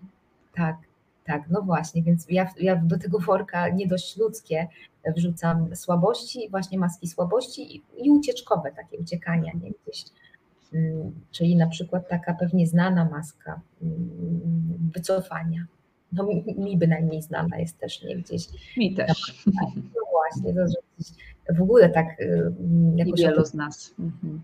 Tak, tak, bo tak y, też zapomniałam o tym powiedzieć na początku, bo przychodzi mi do głowy też to, że no wstyd to zna każdy z nas, ten zdrowy, natomiast myślę, że to, to toksyczny pewnie też wielu z nas y, jak, jakoś zna gdzieś, więc, więc, więc pewnie, no właśnie, my, my tak samo, nie, że gdzieś to, a nie to taka jedna, no właśnie z tych masek taki, no taki, taki, takiego właśnie uciekania, ale też słabości, nie, że wtedy unikamy relacji albo miejsc czy doświadczeń, w ogóle doświadczeń, nie? które mogłyby jakoś narazić nas na przeżywanie wstydu. Mhm. No, rezygnujemy z góry na przykład, nie? gdzieś już mhm. z jakiegoś przedsięwzięcia. Mhm. Tak, albo um, uciekamy, kiedy pojawią się pierwsze oznaki, tylko że wstyd jest tuż, tuż. Nie? I to, może być różnie, nie? że gdzieś albo balansujemy trochę, um, żeby, żeby tego wstydu nie dopuścić, albo w ogóle już całkiem skreślamy nie? gdzieś siebie z tego wydarzenia, doświadczenia. No i w ten sposób niestety, ale tracimy dużo szans na, na coś dobrego dla nas w życiu, na taką mhm. samorealizację. I tutaj takie przekonanie z tą maską mi się kojarzy, takie, no właśnie, i tak mi się nie uda. I tak mnie, albo i tak mnie nie polubią, mhm. i tak mnie nie przyjmą. Mhm. Albo jak mnie poznają, to wiadomo, jak to się skończy, nie? Albo że wiadomo, że nie będę wtedy lubiana, czy tak, że takiej to mnie na pewno nie można lubić, chcieć. Mhm. Jakiejś tam, no właśnie, tutaj to, co jest w nas zawstydzone. Mhm. Tak, tak, tak, nie? Tak, mm, no właśnie, gdzieś mm, tak właśnie myślę o tej masce jeszcze, nie, że gdzieś jak mamy ją, bo to pewnie znana, pewnie sporo osób zna, nie? Więc tak się jakoś na nie zatrzymuje, bo wtedy też często unikamy możliwości w ogóle przeżywania jakichś emocji, nawet pozytywnych, no bo mm, właśnie poprzez na przykład takie unikanie wyjścia w fajne miejsce z fajnymi ludźmi, na randkę, tak, albo poprzez, albo właśnie, nie wiem, poprzez przyjmowanie środków uśmierzających, bo y, oczywiście tutaj jakby nie mówię o tym, że gdzieś tak różnego rodzaju leki, które uśmierzają właśnie jakoś lęki, tak, y, że to jest coś złego, aczkolwiek no czasami ludzie też jakby no nie, nie chcąc, nie, nie chcąc nic doświadczać, gdzieś mogą, mogą y, z tymi środkami też no właśnie jakoś przesadzać. Mhm no właśnie, tutaj też jakby teraz skłaniam się jeszcze ku uzależnieniom chyba tak automatycznie, że to też jest taka, taka maska tej ucieczki. One w ogóle tak, ja tak, tak, tak też rozumiem uzależnienia, że różne nałogi też, nie? Że, że, że pomagają jakby nie kontaktować się, albo chociaż minimalnie zmniejszyć tak też kontakt z tym wstydem. Mhm. Zwrócić od niego uwagę, chociaż na chwilę jakoś. Tak. Natomiast to jest właśnie najgorsze w tych maskach, takie efekty uboczne trochę stosowania, że człowiek uzależniony często jednak zatraca wszystko w życiu. Jakieś relacje rodzinne, przyjacielskie.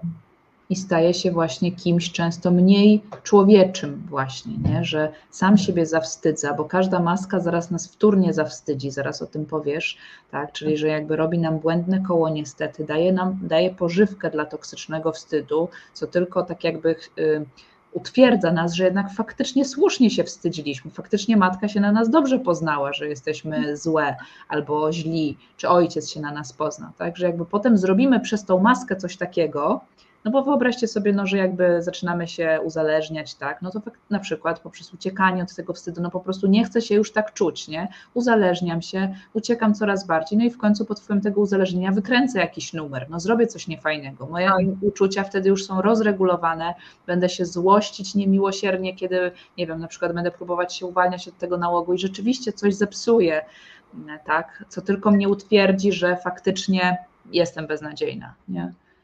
No właśnie. Więc te maski, one nam właśnie y, mają pomóc oczywiście jakoś doraźnie, ale jak one stają się, można powiedzieć, taką częścią naszej twarzy właśnie, wrastają nam w tą twarz, to one zaraz same w sobie zrobią nam problem. I tutaj nie wiem, czy to już jest ten moment, żeby przejść do błędnego koła wstydu, Patrycja, czy jeszcze coś do masek, bo sprawdzić. Tak o tym, nie? Że, że pewnie przy uzależnieniach gdzieś y, o, o, po prostu o to zahaczymy siłą rzeczy, nie? że tutaj to tak, tak bardzo to błędne koło. Natomiast jeszcze jak jesteśmy w tym temacie właśnie gdzieś y, tworzenia masek, nie, to tak. Mm, no właśnie, tworzenia, nie, bo tak mm, może jeszcze trochę powiem o tym, jak te maski właśnie y, też mogą się tworzyć w dzieciństwie, nie, bo oczywiście mówiłyśmy o tym, że doświadczenia y, właśnie takie trudne z rodzicami, gdzieś, gdzie nasze właśnie potrzeby są niezaspokajane, odrzucane, gdzie nie ma tego odzwierciedlenia uczuć, to, to jakby tak, to, to tworzy podstawę, natomiast Mm, no właśnie, dziecko próbując y, jakoś chronić się przed, y, przed tym wstydem, przyjmuje na siebie role nie do wykonania, właśnie takie, mm, takie y, jakby role, które są ponad, zdecydowanie ponad dziecięce możliwości rozwojowe. Mhm. A jakoś musiało tą rolę, czy kilka nawet ról, bo czasami to jest kilka, przyjmować, no bo czując się nieważne, porzucone, przytłoczone emocjami, próbowało za wszelką cenę jakoś przywrócić równowagę w tej rodzinie, żeby się też lepiej poczuć. Gdzieś ta, ta, taki instynkt jest. No i takie dziecko jakby w zależności od systemu rodzinnego, no i też w zależności od takich wrodzonych predyspozycji, mm, wrodzonych takich jakby cech, mm, mogło na przykład właśnie być nadodpowiedzialne. Nadodpowiedzialne dziecko, czyli brać na siebie właśnie dorosłe obowiązki i tutaj nie mam na myśli takich tylko domowych obowiązków, nie tylko takie gdzieś emocjonalne, takie dorosłe obowiązki, na przykład um, pocieszanie rodziców dorosłych, kojenie emocji dorosłych przez dziecko. Mhm. Albo na przykład właśnie tak, to ten przykład, jak matka oczekuje od dziecka, by jakoś o, udobruchało, uspokoiło pijanego ojca, mhm. albo poszło po tego ojca i nakłoniło do powrotu do domu. Takie mhm. różne też mogło być, gdzie dziecko właśnie czuło się odpowiedzialne za sprawy dorosłych. I jakby sytuacja sprawiała, że nie ma wyjścia, jak wziąć w swoje ręce tą odpowiedzialność. To taka jakby jedna z tych ról nie do y, wykonania bez, bez konsekwencji, takich właśnie na, na dorosłe życie, na odpowiedzialność.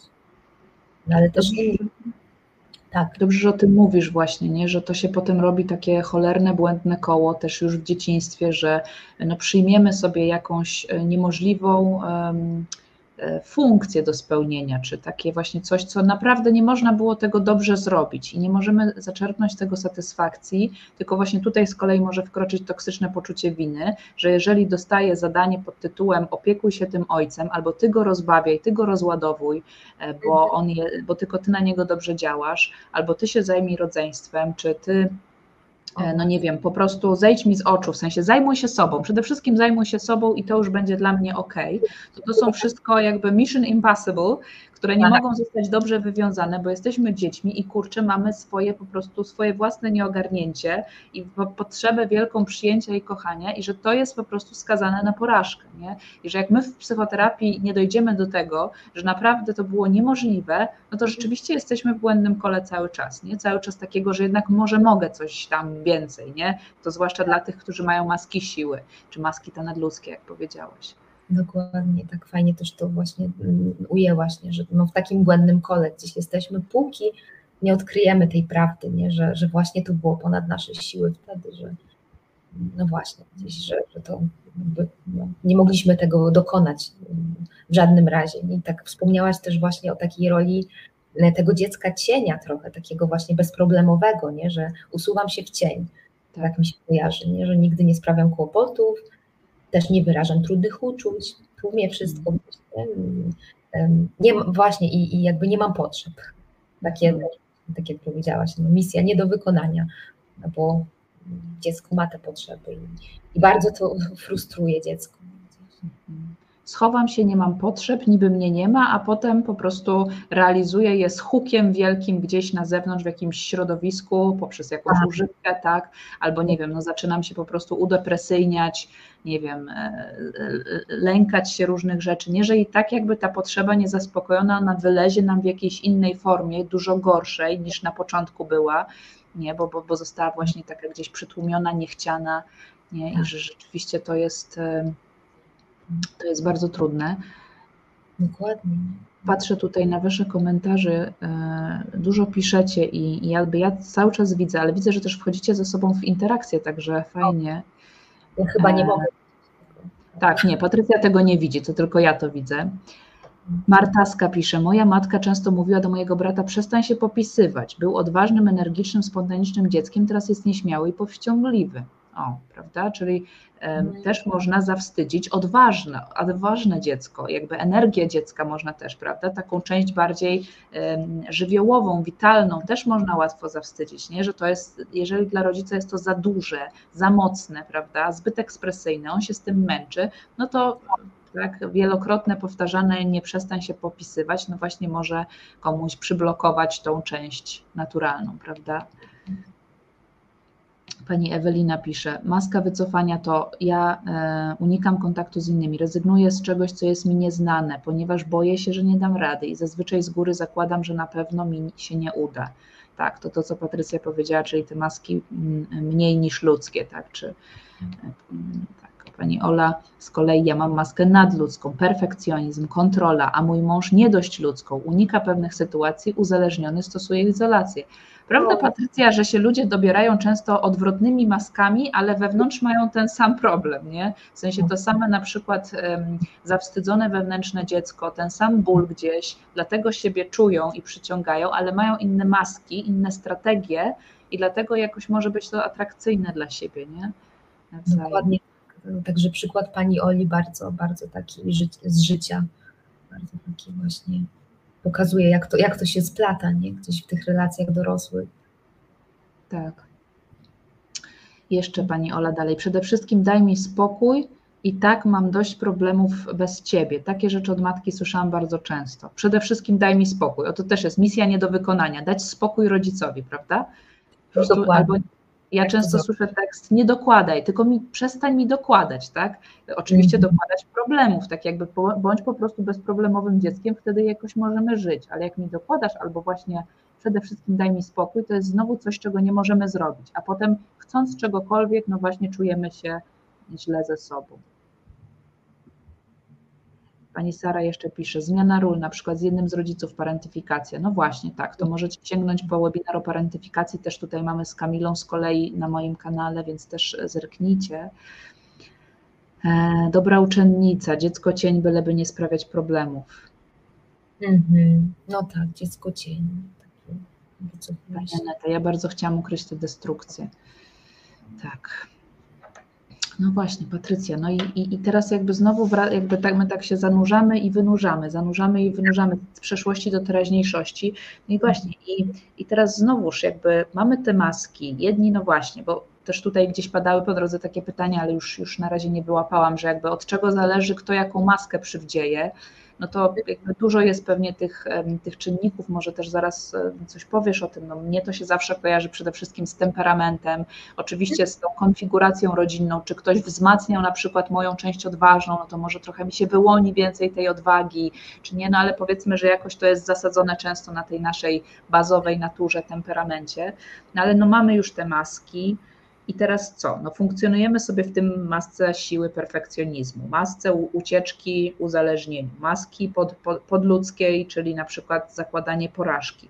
No i teraz jakbyś mogła wytłumaczyć no właśnie to błędne koło, czyli jak ja to lubię to słowo pożywka, dawanie sobie samemu pożywki do tego, żeby uzasadnić swoją wadliwość, jednak swoją beznadziejność, jak to się mm. kręci to błędne koło i jak ono utrudnia człowiekowi samorozwój, w ogóle tak, to poczucie się okej. Okay. Tak. No właśnie, bo gdzieś te maski, tak, tak jak mówimy, nie, że mają nas chronić przed wstydem wobec prawdziwego siebie, bo gdzieś w środku tam wierzę, E, że to ze mną było coś, coś nie okej, okay, nie? No i gdzieś, no właśnie, no to już teraz pewnie w ogóle nie ulega tak żadnym wątpliwościom, że wstyd, wina, jak są toksyczne, no to bardzo utrudniają, zubożają nam życie. Nie? Gdzieś tak. tak jak przy tych maskach mówiłyśmy, że bo się człowiek wycofuje gdzieś, no to też nie może właśnie się rozwijać jakoś w czymś, co, w czym e, prawdopodobnie mógłby chcieć też, nie? Mhm. No właśnie, w ogóle ten uwewnętrzniony wstyd to takie E, no, takie ustrojstwo trochę, które tak napędza się właśnie, tak jak wspomniałaś, tworząc takie błędne koło, z którego właśnie wyjście jest najtrudniejsze. To jest chyba takie jakby charakterystyczne dla tego toksycznego wstydu, że nie ma właśnie gdzieś, no właśnie, bo co jest charakterystyczne, że nie ma jakby, tak, jakby nie ma na niego lekarstwa, bo przecież jeżeli jestem ułomny, tak, niepełnowartościowy i beznadziejny, o czym mówi ten toksyczny wstyd, no to nie ma dla mnie rozwiązania. Mhm. Takie głębokie przekonanie, bo to jest jednak nadal tylko przekonanie gdzieś w środku, nie? po prostu musi prowadzić do niemocy. Bo jak, jak ja mogę zmienić coś, co czuję, że jest moją istotą?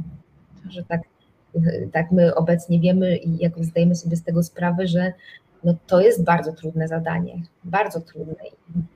Natomiast tak możecie, drodzy goście, wierzyć jakoś nam, że przy dobrych wiatrach właśnie w postaci wsparcia życzliwych, e, bliskich, czy psychoterapii właśnie, czy jakichś innych oddziaływań samopomocowych, terapeutycznych, no to może to być wyko wykonalne. Nie? Natomiast to, to przekonanie takie głębokie właśnie, że, że no nie ma dla mnie rozwiązania, nie ma, nie ma jakby wyjścia, powoduje, że wstyd rodzi wstyd bo tak i w ogóle tak trochę rozwijam to, bo przychodzą mi na myśl takie e, trochę, no właśnie, że jakby takie trochę bardziej uproszczone koło, najpierw mhm. może, że jakby już e, z chwilą, kiedy wstyd ulegnie uwewnętrznieniu właśnie w dzieciństwie, staje się toksyczny, no to takiej mocy nabiera, trochę napędowej, że jakby jesteśmy już dorośli, nie? I nie potrzebujemy Y, tak naprawdę, nawet realnie, zawstydzającego doświadczenia z zewnątrz. Mm-hmm. No właśnie. Jest ten wstyd, nie? Więc my mamy go w sobie w postaci różnych głębokich i złych takich przekonań o sobie. Między innymi właśnie, że to ze mną jest coś nie tak, że mam tą wrodzoną skazę, wadę, że jestem nie do, nie do zmiany. Nie? I to jest pierwszy sposób, w jaki napędzamy wstyd za wstydem. Sami Bo się tak, zawstydzając. Dokładnie. Tak wystarczy, że jakby y, Mm, coś sobie przypomnimy z przeszłości, wróci do nas jakiś obraz i już się wstydzę. No i nawet jeśli nie był mój wstyd, tylko rodzica, mm, no to, no to nadal to czuję, bo jeszcze nie wiem jakoś, gdzieś tego, tego nie odróżniam. I myślę Możecie wtedy... Tutaj nam o, przepraszam, e, bo chciałam tylko powiedzieć, że możecie e, tutaj nam napisać właśnie Wasze jakieś przykłady samozawstydzania się, tak jak Wy to czujecie, albo Patrycja, jeśli Ty masz coś na myśli, albo właśnie jak możemy sobie sami rodzić ten wstyd, tak jak powiedziałaś Pani, wstyd rodzi wstyd, czy samozawstydzanie sobie już fundujemy od, od wewnątrz, już nie potrzeba nam tego rodzica, no to właśnie jakie to mogą być też te przykłady? Hmm? Tak, no właśnie, na przykład gdzieś bo tak, oczywiście coś z zewnątrz się może zadziać, nie? natomiast realnie to w sumie niezawstydzające, mm, albo no właśnie, że realnie mogłoby tego wstydu nie powodować. Na przykład, nie wiem, pomyślę sobie o, mm, o, nie wiem, o, o wystąpieniu publicznym, powiedzmy, nie? Gdzieś um, albo może, może trochę mniej, bo to, to, to jakby często jest zawstydzające jednak, ale na przykład pomyślę sobie, nie wiem, um, o, o rozmowie z przyjaciółką jakoś, o czymś, o czymś nie? I, I, to jest moja przyjaciółka i jakby dobrą mamy relację, ale y, no jakby sama myśl o tej rozmowie trochę jakby budzi coś we mnie, Aha. coś, co już znam. I na przykład budzi takie wspomnienie, że kiedy chciałam powiedzieć, powiedzieć o czymś mamie i jakoś próbowałam, jakby robiłam te próby, wychodziłam do mamy z potrzebami, no to ona mnie jakoś właśnie zawstydzała. No i ja to tak sobie gdzieś podświadomie łączę i już się wstydzę. Okay. I gdzieś, gdzieś to, no taka sytuacja, która obiektywnie mogłaby w sumie nie zawstydzać nas. Gdyby nie ten toksyczny. Bo rozumiem, że właśnie masz na myśli, że w tej przyjaciółce chcesz coś tam powiedzieć o sobie na przykład, coś, coś sobie tam planujesz, prawda? Kojarzy ci się to, że jak komuś ważnemu chciałaś powiedzieć o sobie, to dostałaś jakiegoś tam gonga, czy jakieś poczucie właśnie nieadekwatności, że nie jest to mile widziane, no i tak. jakby załączać się to znowu, chociaż już ci mama tego nie robi, prawda? Mhm. Podobnie pani Sara tutaj nam pisze, że ja na przykład czuję się nieswojo, kiedy muszę komuś odmówić pomocy. Znowu natura ratownika się odzywa, czyli jakby naturalna sprawa, chcę komuś odmówić pomocy po prostu i już się tego wstydzę, bo już nie, tak jakby już, e, już robię sobie w ten samo wstyd wtedy, nie? I, i wjeżdża maska ratownika i koło się kręci, nie? Tak. No tak, takie, takie sytuacje, tak jak tutaj pani podała, nie? że gdzieś no, no właśnie, chcę postąpić zgodnie ze swoimi potrzebami, czyli odmówić na przykład komuś pomocy, bo aktualnie nie mam na to siły albo w ogóle nie mam, no nie wiem, nie mam przestrzeni, czasu, czegokolwiek, to takie ludzkie, nie? że gdzieś czasami po prostu nie możemy czegoś. Albo, albo jakąś właśnie inną mamy potrzebę gdzieś mm, i, i, też, i też jakoś jakby już, już jakby kojarzy nam się ze wstydem od razu, nie? że o, nie wiem. To, na to jest przykład e, pana Michała, że najczęściej wspomnienie wspominanie żenujących sytuacji, źle coś powiedziałem, nikt mnie nie zrozumiał lub nie potrafiłem czegoś wyjaśnić. Hmm. Możemy sobie to przypomnieć, że kiedyś jakby było źle i już na pewno teraz też będzie, już nam się blokuje, nie? Często realnie nam się ciało blokuje, umysł blokuje, nie? Potwierdza się wtedy, że rzeczywiście zasługujesz na wstyd, tak? Czy że nie dasz rady. Tak takie, takie właśnie takie sytuacje, nie? gdzieś tak jak, tak jak tutaj Państwo podajecie i gdzieś mm, takie sytuacje właśnie, które napędzają właśnie ten wstyd za wstydem, nie? że mhm. tak na dobrą sprawę mm, no, mogłabym tego wstydu nie mieć, gdyby właśnie nie to, co było kiedyś. No, więc tak, mhm. Natomiast to, co było kiedyś, trochę żyje we mnie. Tak, tak. No tutaj y, Meg Wroc to już w ogóle napisała pani czy pan, nie wiem, takie bardzo mocne hasło. W dzieciństwie nie mam potrzeb, w dorosłości nie mam marzeń. Bardzo mocne i myślę, że dużo w tym prawdy. Oczywiście zaraz rozświetlimy światełka nadziei, żeby nie było tak ponuro, ale rzeczywiście tak, y, tak to wygląda, nie? że no właśnie zawstydzone mogą być też marzenia. Okej, okay, oddaję, oddaję Ci głos dalej do błędnego koła. Tak, tak, no właśnie, odnośnie tego, tego właśnie koła, bo mam tutaj taki, e, taki cytat. Chciałabym go jakoś przytoczyć, bo mam takie poczucie, że on dobrze oddaje właśnie to, to koło, nie jak to, jakoś, jak to się dzieje. To jest y, cytat psychologa, jakby, no właśnie, psychologa Gershena Kaufmana. Może ktoś czytał taką książkę Psychologia wstydu, dość popularna. Natomiast właśnie, no on tam to błędne koło nazwał spiralą toksycznego wstydu. Mhm. Tutaj tak, on pisał o tym w taki sposób. Zdarza się coś, co uruchamia wstyd. Człowiek próbuje się na przykład do kogoś zbliżyć i zostaje odtrącony. Bliski przyjaciel wyraża się o nim krytycznie i człowieka ni stąd, ni zowąd ogarnia wstyd. Zagląda w głąb siebie i całe wydarzenie nagle nabiera charakteru czysto wewnętrznego. Nierzadko towarzyszą to, temu e, bardzo wyraziste wyobrażenia. Uruchamia się błędne koło wstydu. Wstyd uruchamia kolejny wstyd i tak bez końca. Człowiek w kółko odtwarza w swojej głowie zdarzenie, które cały ten cykl uruchomiło. Wtedy poczucie wstydu go coraz bardziej zalewa, porywając w swe odmęty inne, neutralne doświadczenia, aż w końcu pochłania go bez reszty. I tutaj taki efektem jest kompletny paraliż. Tak moim odczuciu też tak jakoś oddaje to, tą istotę błędnego koła, nie? że mm. też tak jakoś, no właśnie, czuje, czujemy wstyd, kiedy właściwie moglibyśmy mm, śmiało poczuć złość. Mm-hmm. Bo, bo, dostajemy krytykę jakoś od przyjaciela nie? i może ona nie jest adekwatna gdzieś. Tak. Normalnie moglibyśmy się zezłościć, no ale nam się to kojarzy ze wstydem, bo może ktoś już kiedyś nas krytykował za nasze właśnie jakieś naturalne potrzeby. Mhm. I to doświadczenie trochę przypomina właśnie o tym, czego człowiek się już nauczył o sobie, kiedy właśnie rodzic go porzucał czy krytykował, mhm. kiedy ten wstyd o własne no, potrzeby bycia blisko z kimś ważnym uwewnętrznił. Tak. No i na powrót się zawstydzamy, nieco jeszcze więcej cierpienia rodzi, chcemy się schować, mhm. Zamiast czuć czy działać. Mhm. Tak.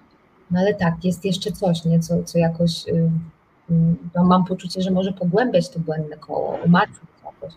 No bo jeżeli człowiek przez swój oddziecinny toksyczny wstyd by popadł już w uzależnienia na przykład. Mhm. Nieświadomość swojego problemu, no bo ten człowiek był jakoś nieświadomy tego wstydu, że to nie jego i tak dalej gdzieś, nie? jakoś już kogoś zranił. Albo przez, no właśnie, wycofywanie, wycofywanie się z jakichś dobrych dla siebie spraw, ma poczucie, że no stracił dużo lat życia. Mhm. Albo, no nie wiem, na przykład jest na skraju załamania nerwowego, jego małżeństwo wisi na, na granicy rozwodu jakoś, nie? bo bez reszty poświęcił się pracy, karierze na przykład. To było jakby jeszcze trudniej wtedy wyrwać się z tego właśnie błędnego koła, no bo na każdą nawet jedną myśl, powiedzmy, nie, o tym, co stracił, co zrobił, pojawi się zaraz poczucie winy. No tu dochodzi jeszcze to poczucie winy niestety, że mhm. jak ja mogłem to zrobić, tak? dlaczego nie poświęcałam czasu rodzinie, jak mogłem przepić swój dom, mhm. mogłam zdradzić, tak? jak mogłam zmarnować tyle czasu, tak. a gdybym tylko zachował się inaczej. Mhm. Takie, takie słynne jakoś dla mnie przy poczuciu. Gdybym, gdybym zachował się inaczej, może by, bym tyle nie stracił. Mhm. No i wtedy no właśnie, wtedy z kolei czuję się winny też temu, że, mm, że kiedyś, no właśnie, trochę temu, że kiedyś, że, że, że wcześniej nie rozpoznał tak, tego swojego problemu, tego wstydu i powielał błędy rodziców. Mhm. Tak. No i tutaj taki duży ciężar, taki problem, no bo, bo trochę czuję się winny adekwatnie. Ale, no tak, nie? natomiast też w dużej mierze toksyczny, takie poczucie, nie? Bo, no bo właśnie. Właśnie może się, może się pojawić e, później adekwatne poczucie winy, na przykład za te nasze czyny robione po to, żeby się nie wstydzić, nie? czyli na przykład właśnie e, pod wpływem alkoholu czy pod wpływem maski perfekcjonizmu, gdzie zaniedbałam już swoją rodzinę totalnie, pod wpływem tych masek e, zrobiłam rzeczy niefajne i się ich toksycznie wstydzę, albo tak. winię się toksycznie za nie i później mogę sobie uznać, że no już przepadło, już, już bez sensu, w sensie już straciłam tą rodzinę, już się, już nie wiem, już po prostu faktycznie odsunęli się ode mnie ludzie, to już, no właśnie, tak jak powiedziałaś, no to już, już, już nie ma sensu się na przykład starać i wracam jakieś do swojej starej, znanej maski, nie? Że jakby rzeczywiście maska dała pożywkę pierwotnemu zawstydzeniu, pierwotnemu poczuciu zwadliwości i teraz no właśnie potrzeba tutaj e, czegoś, e, żeby nabrać jakiejś nadziei, tak, czy żeby jakby ewentualnie, znaczy oczywiście adekwatnie się obwinić, czy znaczy może bardziej obwinić powiedzmy sobie, czyli no jakoś tam, wiecie, tak jak anonimowi alkoholicy mają w jednym swoim kroku zadośćuczynić tym, którym możemy jeszcze zadośćuczynić za jakieś nasze właśnie winy, żeby to wyrównać jakoś tam rachunki, ale już zaprzestać pewnych czynów, żeby móc zbliżyć się właśnie do tego swojego poczucia już niesłusznej wadliwości, nie? żeby dojść do tego punktu, gdzie jednak to nie było oparte właśnie na tym prawdziwym defekcie. No czy możemy tutaj już przejść do tych światełek.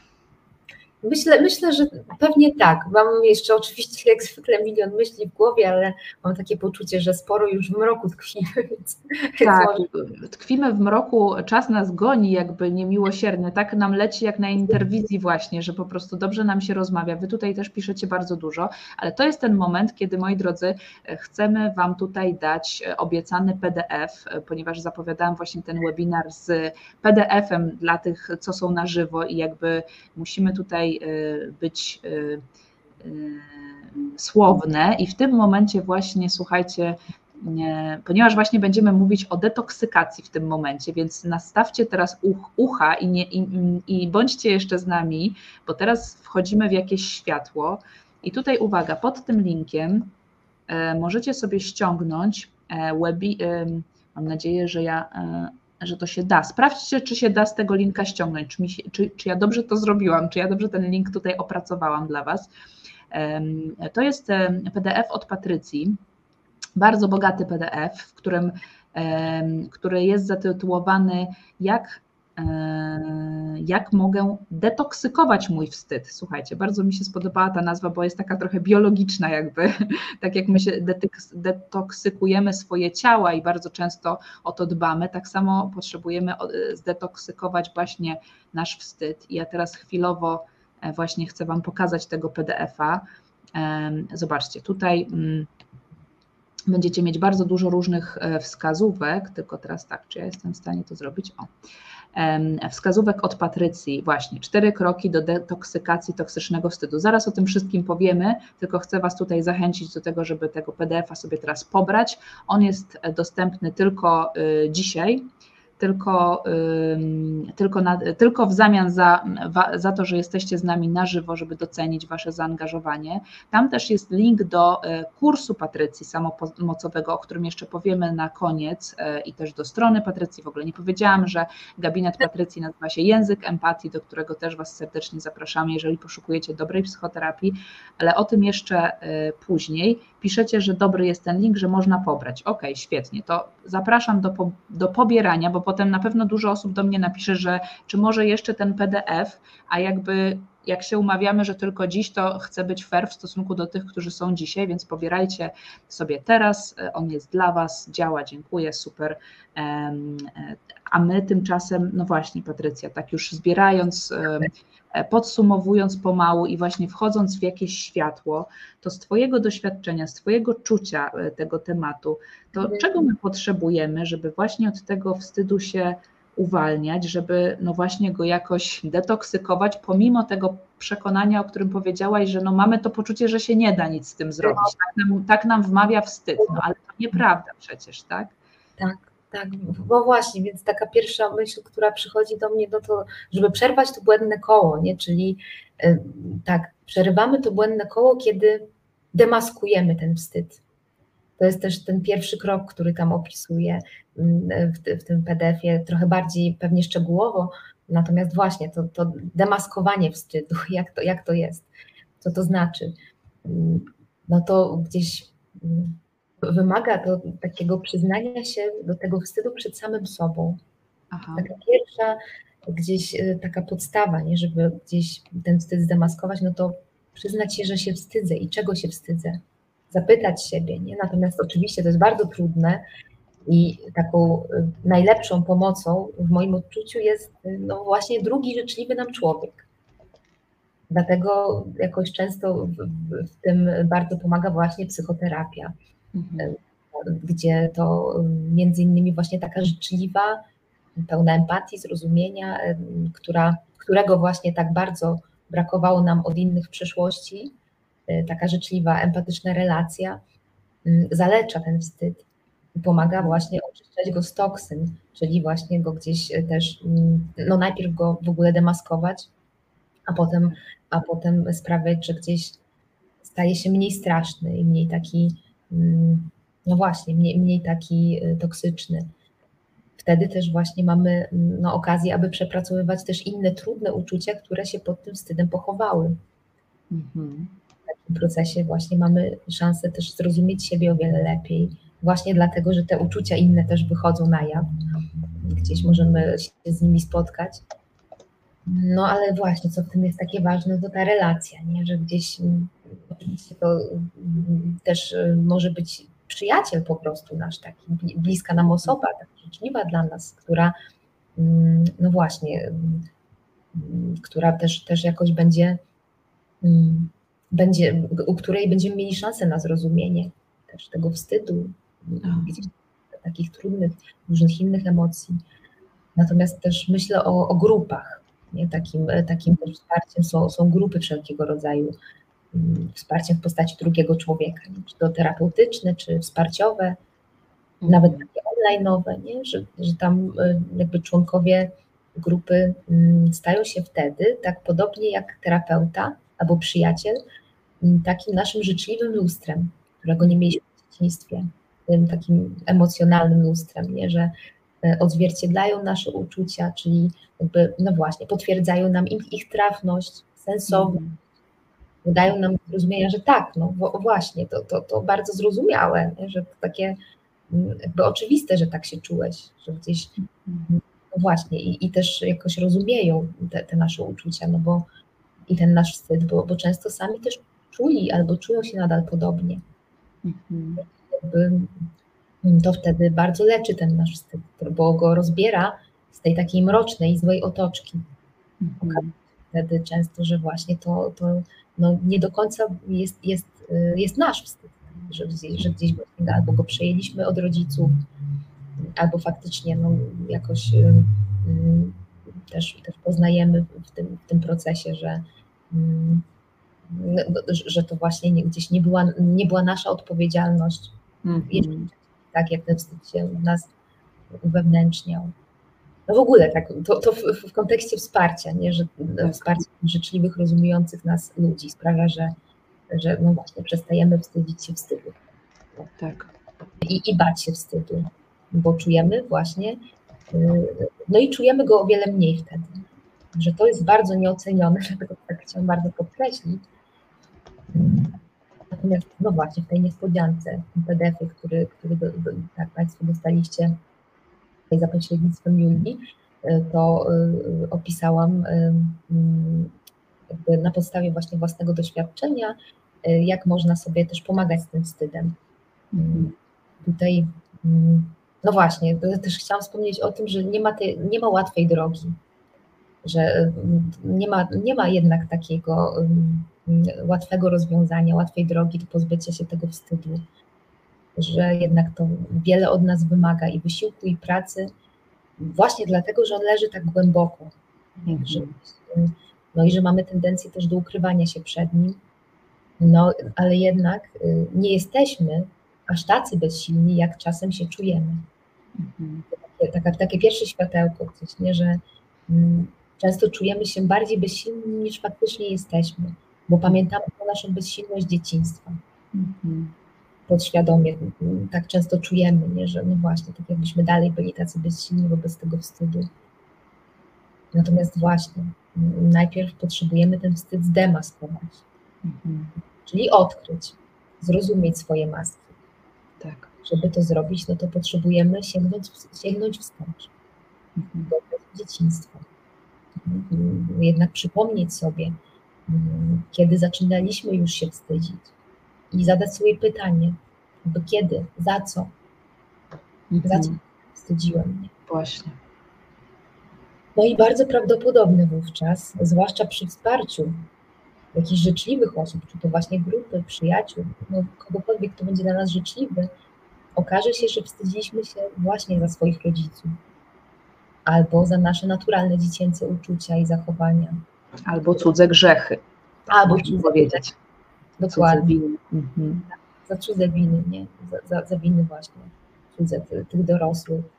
No albo za uczucia, nie? których rodzice nie rozumieli właśnie, nie potrafili nam tłumaczyć, mhm. nie potrafili odzwierciedlać. No i w tym procesie odkrywania źródeł swojego wstydu, swoich takich i też zarazem takich swoich dorosłych strategii kamuflażu wstydu, czyli tych masek, nie? jakoś niezwykle ważne, no właśnie, jest takie zrozumienie swojej historii rodzinnej. Mhm.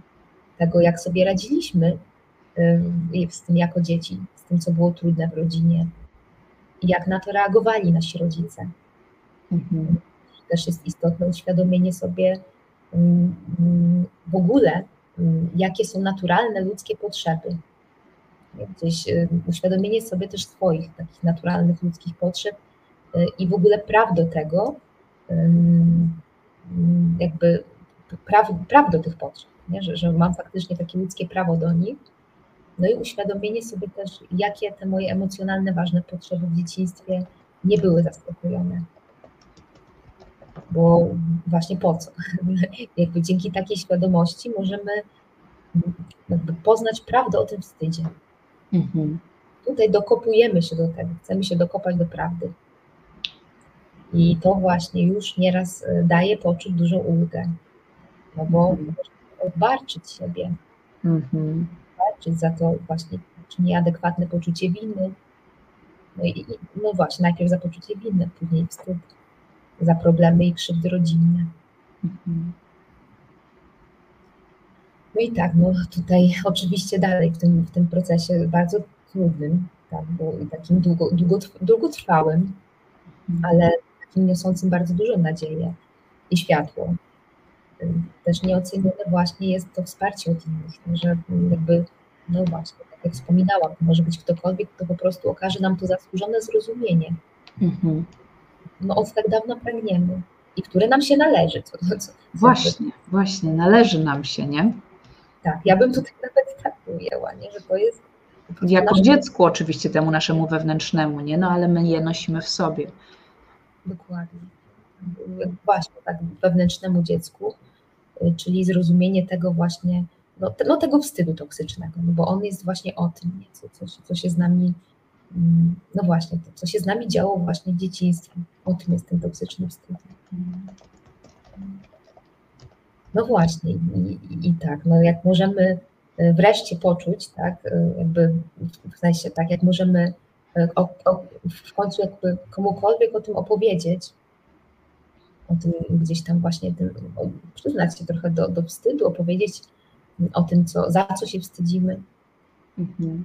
y, tak, to mm, takie, no właśnie, takie, mo- możemy poczuć takie, takie poczucie, nie, że gdzieś, y, ym, no właśnie, że mogę w końcu o tym powiedzieć, czego się bałem, co Mhm. muszę ukrywać. No Mhm. To tak, nie, że, mm, że w końcu mogę odkryć i, i, i nic się nie dzieje nie, i nie jestem odrzucony. Mhm. Okazuje się, że to jest, to jest w porządku. To jest piękny moment. Nie wiem, czy mieliście kiedyś coś takiego, możecie napisać, kiedy nawet y, y, zaskakujące jest to, że ktoś nas właśnie przyjmuje, chociaż naprawdę z- ze wszystkich sił spodziewaliśmy się odrzucenia, czy właśnie zawstydzenia, bo pokazaliśmy jakąś y, rzekomą słabość z naszej strony, a po drugiej stronie widzimy, prawda, takie oczy zachęcające do kontaktu, tak? Czy, czy takie oczy, które nie pokazują żadnej złości, żadnego obrzydzenia, żadnej szyder, szy, szydery, tak? Że to są jakby takie piękne momenty, których oczywiście można dużo zebrać na terapii czy na grupach wsparcia, ale też często właśnie wśród przyjaciół, jeżeli mamy to szczęście, że ich mamy. Tak, że, że właśnie, że dostajemy coś innego niż to, czego się spodziewamy. Oczywiście potem możemy, jeżeli siedzimy w tym toksycznym wstydzie, to możemy prowokować tego człowieka, żeby jednak nas odrzucił i robić różne niefajne rzeczy, żeby prawda, w końcu doprowadzić do tego, że dostaniemy to odrzucenie, nie? Ale że Tak. właśnie to, co powiedziałaś, to jest najważniejsze, tak myślę. e, I, I tutaj nie ma jakby żadnych e, innych szałowych recept, chociaż jeszcze zaraz pewnie coś powiemy, ale że musisz po, pozwolić się zobaczyć. To, to, to, co też mówi Brené Brown, jakby musisz wyjść z tego ukrycia, musisz się komuś pokazać, bo żyjesz w kłamstwie, że jakby zawstydzasz się za rzeczy, które dawno temu ktoś powinien odwstydzić tak, że to nie są powody do wstydu. Oczywiście masz też swoje pewnie adekwatne już winy nazbierane do kupeczki, które potwierdzały tą przeszłość, ale Winy. musisz jednak dać się zobaczyć, winy właśnie, ale musisz się dać zobaczyć. Musisz przyjść do jakiejś grupy i po to powstają grupy dla anonimowych alkoholików, anonimowych narkomanów, seksoholików, jedzonioholików, dorosłych dzieci alkoholików, współuzależnionych właśnie, żeby ci ludzie łączyli się z tym samym problemem, żeby właściwie z tą samą maską często gdzieś, bo właśnie to są ludzie, którzy spotkali się w podobnej masce, że to ich właśnie ma nie określać ich tożsamości. To też często jakby ja gdzieś podkreślam to na- na webinarach, że jakby żeby to DDA nie stało się twoją maską na całe życie. Niech to się stanie kryjówką na pewien czas, żeby się właśnie można było zidentyfikować, ogrzeć w ciepełku tak jakby e, takiej etykiety, gdzie okej, dużo ludzi to ma, więc nie, to nie jest powód do wstydu, ale że ja, za jakiś czas warto to odrzucić, że jakby to jest, ja podkreślam, to jest fragment twojej biografii, to jest to DDA, DDD czy, czy coś tam, nie? Że niech to już nie definiuje całości, że masz, jesteś już po kilku terapiach, a dalej uważasz, że jesteś DDA, nie? Że jakby mam ten fragment swojej biografii, no ale jeżeli jesteś jeszcze przed jakąkolwiek zmianą, procesem, to zidentyfikuj się właśnie z jakąś grupą, czy to najlepiej na żywo, ale online też, czy nawet grupą, właśnie tutaj widziałam dziewczyny, linkujecie, czy ktoś powiedział tą moją grupą Odzyskać siebie, to jest darmowa grupa wsparcia na Facebooku, zapraszam Panie DDA, DDD współzależnione, tam bardzo dużo ciekawych wątków, bieżącego wsparcia, też jakichś moich e, krótszych live'ów, także zapraszam Was tam, właśnie żeby gdzieś znaleźć ten punkt odniesienia i dać się zobaczyć, tak jak mówisz, nie? Jakby zobaczyć jakieś inne lustro, inną twarz. Lustro, dokładnie, żeby przejrzeć się w nim w końcu, a nie żeby zobaczyć siebie jakby w tym lustrze, nie? że gdzieś że, i zobaczyć, że właśnie tak jak, tak jak powiedziałaś, że inni też mają podobnie, że inni mogli nawet się tak czuć jak my, nie? Że, że to jakby właśnie, że to o nas nie mówi, tylko bardziej jakby co, co się u nas działo kiedyś. No właśnie, i w ogóle wtedy też zaczynamy jakby przy tym wsparciu jakby sobie też powoli przyzwalać na te nasze prawdziwe uczucia. Mhm. Za tym idzie też poznawanie siebie. No jak siebie poznajemy w końcu, nie gdzieś tak, w sensie tak możemy dogłębnie zobaczyć, co tam nam się podoba, e, co sprawia, jakie właśnie uczucia u nas, co jest dla nas fajne. No i też kreować w końcu swoje życie, jakoś tak bardziej po swojemu, nie, nie pod, pod dyktando oczekiwań jakichś z przeszłości.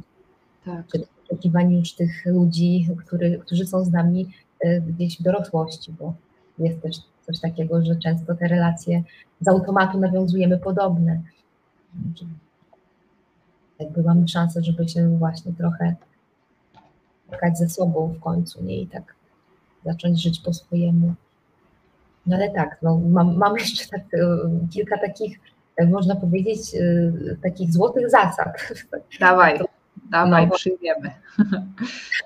Tak, jeżeli jeszcze tak mam, mam, mają Państwo goście na siłę, bo patrzę, że dużo siedzimy, ale to tak już podsumowując, poproszę te, te światełka, nie, że gdzieś mm, takie najważniejsze y, te złote zasady, prawdziwe przede wszystkim, y, tak jakby przynajmniej ja tak, ja tak jakoś to nazywam i tak uznaję, y, właśnie na drodze tego demaskowania, odtoksyczniania wstydu, to na pewno właśnie po pierwsze pamięć o tym, świadomość tego i pamięć o tym, że jestem tylko i aż człowiekiem. No i co to oznacza? Na pewno to, że nie muszę próbować zmieniać sobie tego, kim jestem, czyli tego, co we mnie ludzkie. Bo tutaj mam na myśli tego, co we mnie ludzkie. Czyli na przykład tego, że czasem po prostu popełniam błędy i będę je popełniać. Nie będę jakby idealny. Czasem popełnię błąd bo dzięki błędom też się uczę. One dają jakby dają mi sygnały ostrzegawcze, żeby nie popełnić jakiegoś większego, tak, żeby nie wpaść w jakąś bardziej niebezpieczną sytuację. Kolejna taka właśnie jakby cecha ludzka, nie, którą warto pamiętać, no to, że jestem no właśnie nieidealny i że mam prawo do własnych uczuć przede wszystkim. Mam prawo e, do także, wszystkich, prawda? Właśnie, do wszystkich. A nie tylko do tych, które komuś się podobają albo są po czyjejś myśli. Tak, tak, do wszystkich, tak, tak jak leci. Każde uczucie mam do niego prawo jak każdy inny człowiek. No i mam też prawo właśnie mieć potrzeby, które wynikają z tych uczuć. I te potrzeby y, no nie zawsze będą właśnie się podobać innym, tak jak, tak jak, tak jak tu ujęłaś, nie, że tak. właśnie. No i co, jako człowiek też y, mimo popełnianych błędów, mam prawo do szacunku i do miłości. To jest coś takiego też w moim odczuciu, ta, takie, taka prawdziwa zasada, nie? że jako człowiek, pomimo tego, że popełniam błędy, to ludzkie, mam też prawo do szacunku i do miłości. Takie przysługujące mi jakby z urodzenia. Nie? I tak, jeżeli ktoś mi tego nie potrafił, nie chciał dać, jak jeszcze byłem dzieckiem, no to tylko i wyłącznie on jest za to odpowiedzialny. I o nim to świadczy, a nie o tym dziecku. Tak. Ze mną nie ma to nic problemu. O jego deficytach, o jego historii. O jego toksycznym wstydzie. Tak. Że tak. Że ze mną wszystko jakby było w porządku wtedy. I to dorośli zawiedli. Tak. I myślę sobie o jeszcze jednej takiej prawdzie trochę, nie? Gdzieś w zasadzie trochę w myśl prawdy o toksycznym wstydzie że się pojawia, kiedy czujemy rozbieżność pomiędzy tym, e, kim czujemy i myślimy, że jesteśmy, co właśnie determinuje nasza historia w dużej mierze, a wizją idealnego, idealnej siebie. Mhm. Ta wizja też jest podporządkowana często oczekiwaniom tym rodziców z przeszłości, gdzieś tam wobec nas dzieci. Nie? Mhm. I jakby warto zapytać siebie, w ogóle warto ze sobą rozmawiać. To objaw zdrowia psychicznego, wbrew niektórym przekonaniom takim powszechnym, które też nieraz do mnie dobiegały, ale tak, y, warto właśnie zapytać siebie, nie? Czy, czy te standardy składające się na tą idealną wizję siebie są realne. Mhm. Czy jednak, czy jednak y, tak, y, tak są idealne, w ogóle oddalone od rzeczywistości, że, że nigdy ich nie spełnimy? Takie pytanie, tak, tak, myślę, że też, też warto tylko sobie zadawać, nie? że gdzieś, mhm. Mm, bo w, procesu, w procesie rozwoju w takiej rodzinie, gdzie sytuacja wymusza od dzieci te nieadekwatne role do ich wieku, no to uwewnętrzniamy w sobie taki krytyczny, taki zawstydzający głos. I, i praca właśnie nad tym, nad tym głosem krytycznym, tym w sobie też jest, e, który naprawdę nie mówi prawdy o nas właśnie, to jest też właśnie. taka mhm. nie? Jest, jest jakoś bardzo ważne w procesie też leczenia tego wstydu właśnie tak jak napisałaś w PDF-ie, zawstydzający krytyczny rodzic, czy tam krytyk wewnętrzny, nie? że możemy mieć ich różnych, ale że może być też taki zawstydzający właśnie nas głos, że my potrzebujemy to zidentyfikować w sobie mocno, tak, i jakby nauczyć się oddzielać siebie od tego. Mhm. Że jakby, że jakby, dobra, nawet niech sobie będzie ten głos, on jest po prostu jak jakaś tam moja Katarynka, ale ja już znam jakąś tam prawdę o sobie i że mogę pójść czy zareagować w inny sposób. Dokładnie, tak. Ja tam bardzo, bardzo e, krótko o tej pracy nad, nad tym krytycznym, zawstydzającym głosem, natomiast no tak, tak jednak może do rzeczy trochę tam jest jednak, tak, że można też sobie mm, z tego skorzystać, żeby ten głos stopować jakoś, no, gdzieś nie dawać mu mm, takiej e, władzy nad sobą, wiedząc już o tym, że to, że to nie jest mój głos tak naprawdę, że to no nie, jest, nie jest prawdą o mnie. Tak. No i tak, jeszcze tak myślę sobie, mm, też taka ważna zasada, nie? że gdzieś mm, jak wstydzimy się za jakieś nasze zachowania z dorosłości, nie? to taka, e, taka zasada, żeby ten wstyd, jak wstydzimy się za jakieś takie zachowania z dorosłości już, zamieniać w poczucie winy. No właśnie że to przyświeca jakby, mm, jakby temu przyświeca takie prawdziwe przekonanie, mam poczucie, że no właśnie, że nasze zachowania i błędy nie określają nas jako ludzi. Mhm.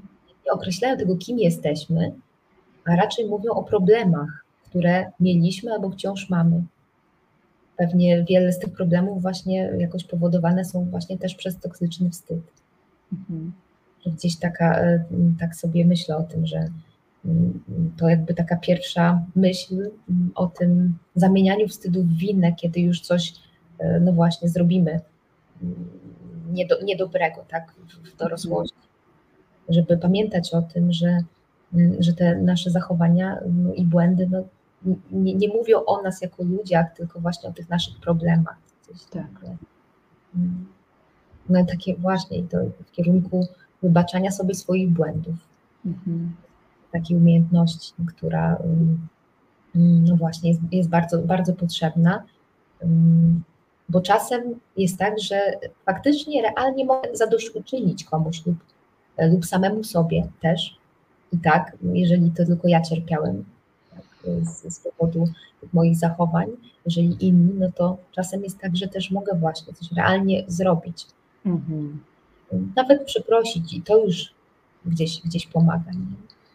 Mm, no i wtedy dobrze, żebym, żebym to zrobił, tak, zrobiła, jak, jak mam taką możliwość. Natomiast no, jest też tak, że czasem niektórych rzeczy nie da się jakoś naprawić, no, że gdzieś można jednak tylko je zaakceptować, jakoś starać się też, też wybaczyć sobie. Nie? Mhm, tak. Do tego pomaga ta świadomość tej przeszłości jednak, nie? takie zrozumienie dla siebie, że, że było ciężko.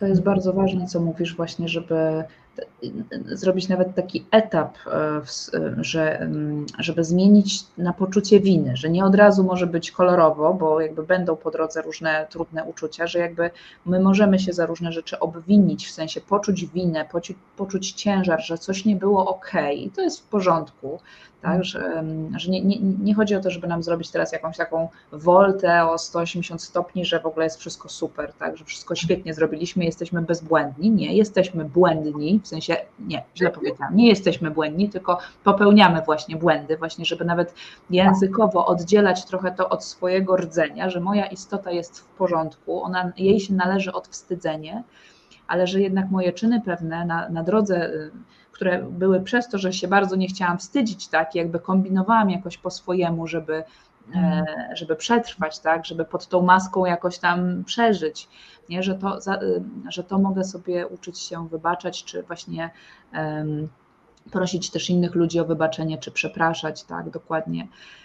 Um, czy jeszcze jaka, jakieś y, światełko, Patrycja, od Ciebie, czy, czy, czy tyle?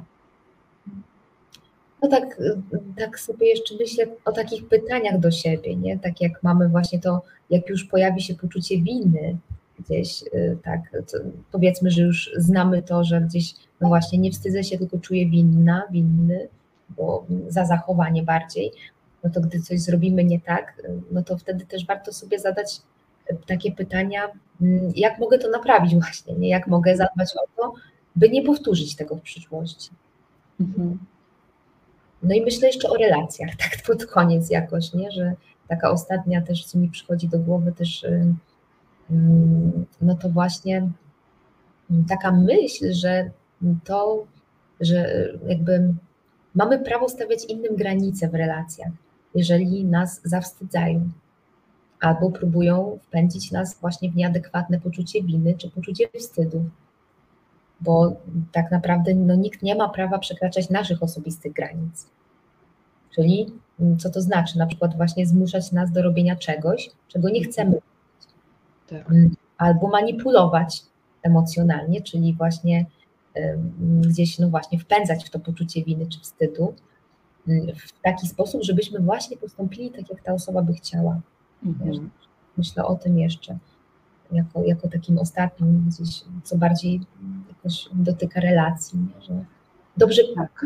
o tym po prostu, że, że mamy prawo po prostu to, to robić, nie? że nie musimy wysłuchiwać, nie musimy dawać się wciągnąć.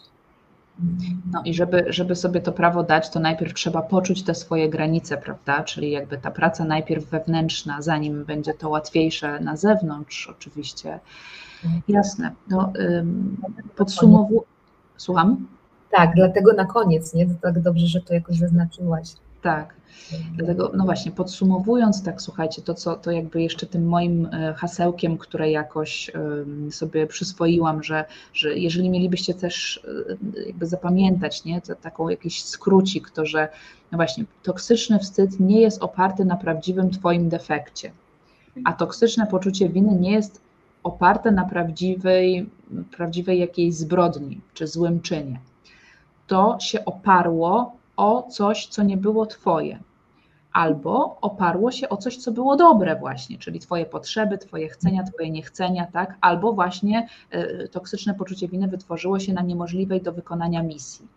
Tak. I to była część dziecięca, na którą nie miałeś wpływu, nie miałaś wpływu. Potem jest już Twoje dorosłe życie, za które już miałeś wpływ, ale ponieważ było na złych fundamentach oparte, właśnie na wstydliwych fundamentach zostało to oparte, na wstydliwe fundamenty nałożyły się maski fałszywe ja i te maski wygenerowały mnóstwo kiepskich czynów, kiepskich wyborów, e, życia nie swoim życiem, tak jak powiedziałaś Patrycja, czy, czy, czy wyborów nieautentycznych, które właśnie też robiły błędne koło, no to teraz potrzebujesz się zatrzymać i dziękuję Wam, że tu jesteście i że jeszcze tak dużo osób, bo 130 osób cały czas jest z nami i ogląda i słucha w sobotę o 21, więc ja wiem, że naprawdę Wy chcecie się odwstydzić, wiem, że naprawdę chcecie ten ciężar z siebie wyrzucić, tak, zrobić. Tu się cały czas toczy bardzo poważna dyskusja w tym czacie, czego Patrycja nie widzi, ale sami ze sobą rozmawiacie.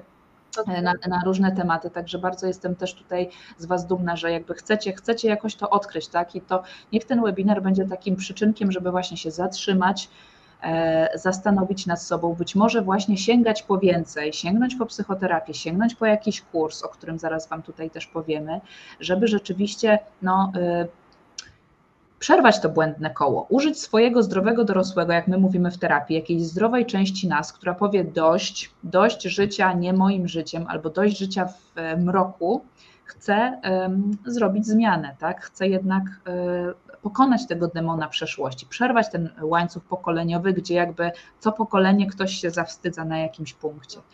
Nie? I że to jest właśnie, to jest właśnie ten moment, dlatego bardzo dziękujemy Wam za, za to, że jesteście, e, że słuchacie, też możecie nam dać tutaj feedback. E, w ogóle nie powiedziałam, że to jest debiut Patrycji webinarowy, zapomniałam o tym powiedzieć, ale tego w ogóle nie było widać Patrycja, więc dlatego zapomniałam, więc też e, będziemy tutaj wdzięczne za to, jak, jak, jak Wam się tego słuchało. Tutaj też dostałaś e, od e, kogoś, kogo musisz znać, Patrycja, gdzie jest ten piękny komentarz o, od pani Justyny, że mój partner przyjął mnie z całym moim bagażem bez oceniania, także pani Patrycja na każdym spotkaniu terapeutycznym swoją empatią otula moje poranione dziecko.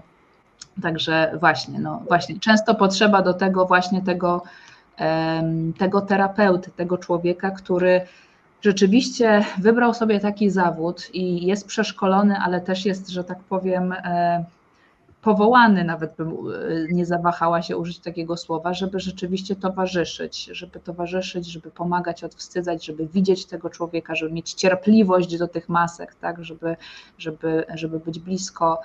I, i, I, do terapii też Was zachęcamy absolutnie. To jest taka podstawa do, do tego, żeby gdzieś podjąć jakąś e, fundamentalną zmianę.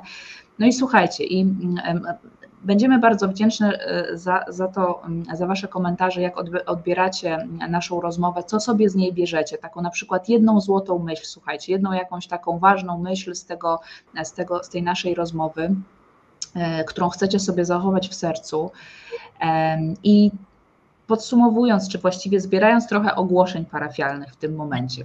Słuchajcie, tak, e, PDF e, od Patrycji z takim podsumowaniem tego webinaru, z punktami do odtoksyczniania swojego, można powiedzieć, serca czy swojej psychiki, powędrował tutaj do Was w czacie, ale już jest na pewno bardzo hen, hen daleko w, w tym morzu komentarzy, dlatego ja tutaj jeszcze raz go w tym momencie podlinkowuję. Proszę ściągnijcie sobie go w tym momencie, e, ponieważ my go kasujemy dzisiaj po webinarze, więc to jest tylko jeden moment, żeby go uzyskać. Podlinkowałam Wam też fanpage Patrycji. Patrycja pracuje w gabinecie Język Empatii, jest szefową tego ośrodka, ma tam swój zespół. Zapraszamy Was tam na terapię, jeżeli ktoś szuka terapii. Patrycja ma też grupy, e, grupy wsparcia. Patrycja, czy to są terapeutyczne? Bardziej grupy wsparcia, więc też możecie właśnie dołączyć sobie do grupy. Ja widziałam, że jedna grupa dotyczy samotności, e, prawda? Tak. Więc akurat takiego na przykład problemu, jeżeli ktoś się właśnie e, z tym szczególnie boryka, więc e, tutaj jakby macie, macie e, naprawdę na, jakby na wyciągnięcie ręki grupa, która się tworzy teraz, Patrycja, tak? Tak, dwie grupy właściwie, tak, tak jak wspomniałaś, jedna dla osób, które doświadczają poczucia samotności i jedna taka właśnie rozwojowo-wsparciowa dla osób, które, które czują jakoś właśnie niską samoocenę, samoocenę dla osób, które gdzieś tam, no właśnie, czują się niewartościowi, więc trochę w temacie. Mm, tak, więc y, właśnie, więc, y, więc tutaj ma, ma, macie na przykład, więc teraz zrobię taki szwedzki stół różnych rzeczy, które mamy dla Was do wyboru. Właśnie terapia indywidualna jest, jest dostępna, grupy wsparciowe te są płatne.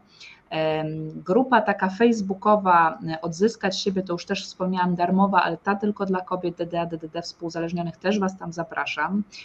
E, potem dalej, co my tu jeszcze mamy? No przede wszystkim Patrycja przygotowała taki rozwojowy kurs samopomocowy, słuchajcie, e, który jest online, który jest teraz akurat w wyjątkowej okazji, z okazji naszej pierwszej współpracy, Słuchajcie, tutaj podlinkowuję teraz e, ten kurs. Można go sobie nabyć i go przerabiać samodzielnie, ale tam jest też taki bonus w postaci czatu terapeutycznego, to wiem od Patrycji. I teraz tak. jest na niego też zniżka 100 zł przez trzy kolejne dni i plus 5%, jeżeli zapiszecie się do newslettera Patrycji na jej stronie. Więc mhm. E, Patrycja będzie Wam wtedy jeszcze też o tym przypominać, prawda? Jeżeli będziecie zapisani do tego newslettera, to jeszcze dostaniecie pewnie jakąś przypominajkę od Patrycji o tej promocji, o tej okazji teraz.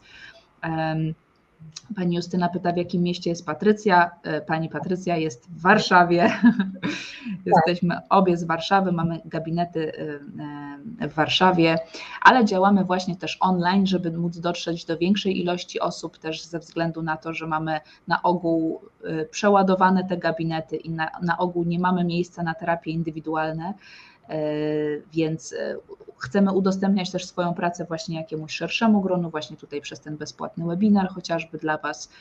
Więc, więc tak, o kursie Patrycji powiedziałam. Patrycja, może też jeszcze chcesz coś sama dodać e, co do e, tych rzeczy, o których ja powiedziałam. Mm, sprawdź. Tak, w ogóle mam poczucie, że tutaj Julia powiedziałaś o wszystkim, co u nas jest dostępne, także bardzo Ci dziękuję też, że, że jakoś tak spamiętałaś to wszystko. Natomiast tak, jeśli chodzi o ten kurs, tak, y, ten samopomocowy, mm, to y, tak, y, ten kurs zatytułowałam w ogóle Poznaj swoje wewnętrzne dziecko i zacznij o nie, o nie dbać. I gdzieś tam jakby w tym kursie jest możliwość takiego też, no właśnie, zrozumienia wpływu swojej przeszłości na obecne problemy. Także tutaj się bardzo koncentruję na potrzebach emocjonalnych, na, na niezaspokojeniu potrzeb emocjonalnych i na takich, na zmianie, sposobach zmian niekorzystnych wzorców życiowych. Mhm. Właśnie w oparciu o niezaspokojone potrzeby emocjonalne powstały. Ten kurs y, stworzyłam w ogóle w oparciu o, o takie swoje gdzieś y, osobiste doświadczenia, także oczywiście i, i psychoterapeutyczne, natomiast też y, na takiej swojej drodze też rozwojowej i takie doświadczenia też tam jakoś integruję no i właśnie tam się, się dzielę takim, e, no właśnie, takim podejściem e, zintegrowanym do rozumienia przyczyn większości problemów i objawów emocjonalnych. Mhm. E, podejściem i metodami pracy nad sobą, które pomagały mi, pomagały również, pomogły wielu osobom, z którymi miałam okazję już pracować terapeutycznie. Mm, tak, tam dość, dość przystępnie tłumaczę tak naprawdę dużo z tego, co potrzebujemy zrozumieć, aby też zacząć samodzielnie pracować nad, nad swoimi problemami, e, mhm. aby ulgę od ciężaru, który najprawdopodobniej od dawna nas przytłacza, albo przytłacza to, co w nas prawdziwe, mhm. to, co właśnie ten wstyd e, tak od dziecinny przykrywał do tej pory. Także tam takie narzędzia oferuje do, do pracy. Tak. No, no, i oczywiście ten czat, tak jak wspomniałaś, także jest możliwość kontaktu ze mną za pośrednictwem kursu, także można pytać i też uzyskiwać wsparcie w trakcie pracy tej własnej. Jasne. Tak, więc, e, więc jest, jest tam e, dużo różnych super rzeczy i w podejściu integracyjnym, tak jak właśnie my pracujemy, więc, więc e, integracyjne, czyli zbierające różne, różne same smaczki, najlepsze z innych podejść, tak, czy korzystające właśnie z, z bogactwa różnych podejść, więc bardzo Was do tego serdecznie zapraszamy do, do, do kursu Patrycji. Pani Ela pisze, że łatwo się o wszystkim mówi, a przełamać wstyd we wszystkim jest bardzo ciężko. No właśnie, dlatego też trzeba zrobić oczywiście coś więcej, jakby chcemy od razu razu urealniać, że jakby nikt żeby nie pomyślał, że webinarem przypadkiem da się załatwić toksyczny wstyd. Nie, my tutaj jesteśmy dla Was, żeby troszeczkę pootwierać niektóre przestrzenie, trochę wpuścić tam powietrza, dać trochę e, właśnie tego światła nadziei, no i udostępnić, umożliwić jakąś kolejną e, możliwość współpracy, jeżeli tylko chcecie skorzystać, jeżeli czujecie, że my mogłybyśmy być dla Ciebie, dla, dla Was dobrymi takimi przewodniczkami na drodze tego odwstydzania. Więc tutaj właśnie e, to, to co od Patrycji to powiedziałam, powiedziałam. Jeśli chodzi o mnie, to tak, to zapraszam Was przede wszystkim do zasubskrybowania tego kanału, bo ja przede wszystkim na tym kanale się tutaj opieram, więc jakby wszystkie moje jakieś filmiki, live'y, rozmowy są tu dostępne. Bardzo wiele jest, e, właściwie 90%, 95% tego typu rzeczy jest tutaj dostępnych za darmo.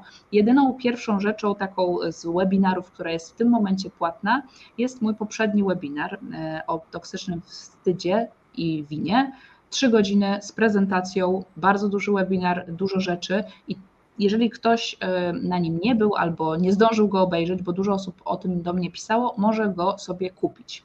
E, I nie jest to jeszcze produkt w sklepie, bo jeszcze nie, nie zdążyłam tego zrobić, ale możecie mi zostawić teraz pod tym linkiem, który e, wrzuciłam swoje dane. E, I tam jest też jakby co mój numer konta, można sobie to kupić, ale możecie do mnie po prostu zostawić po prostu swojego maila, ja się do Was odezwę i udostępnię Wam wtedy ten webinar, mój poprzedni duży.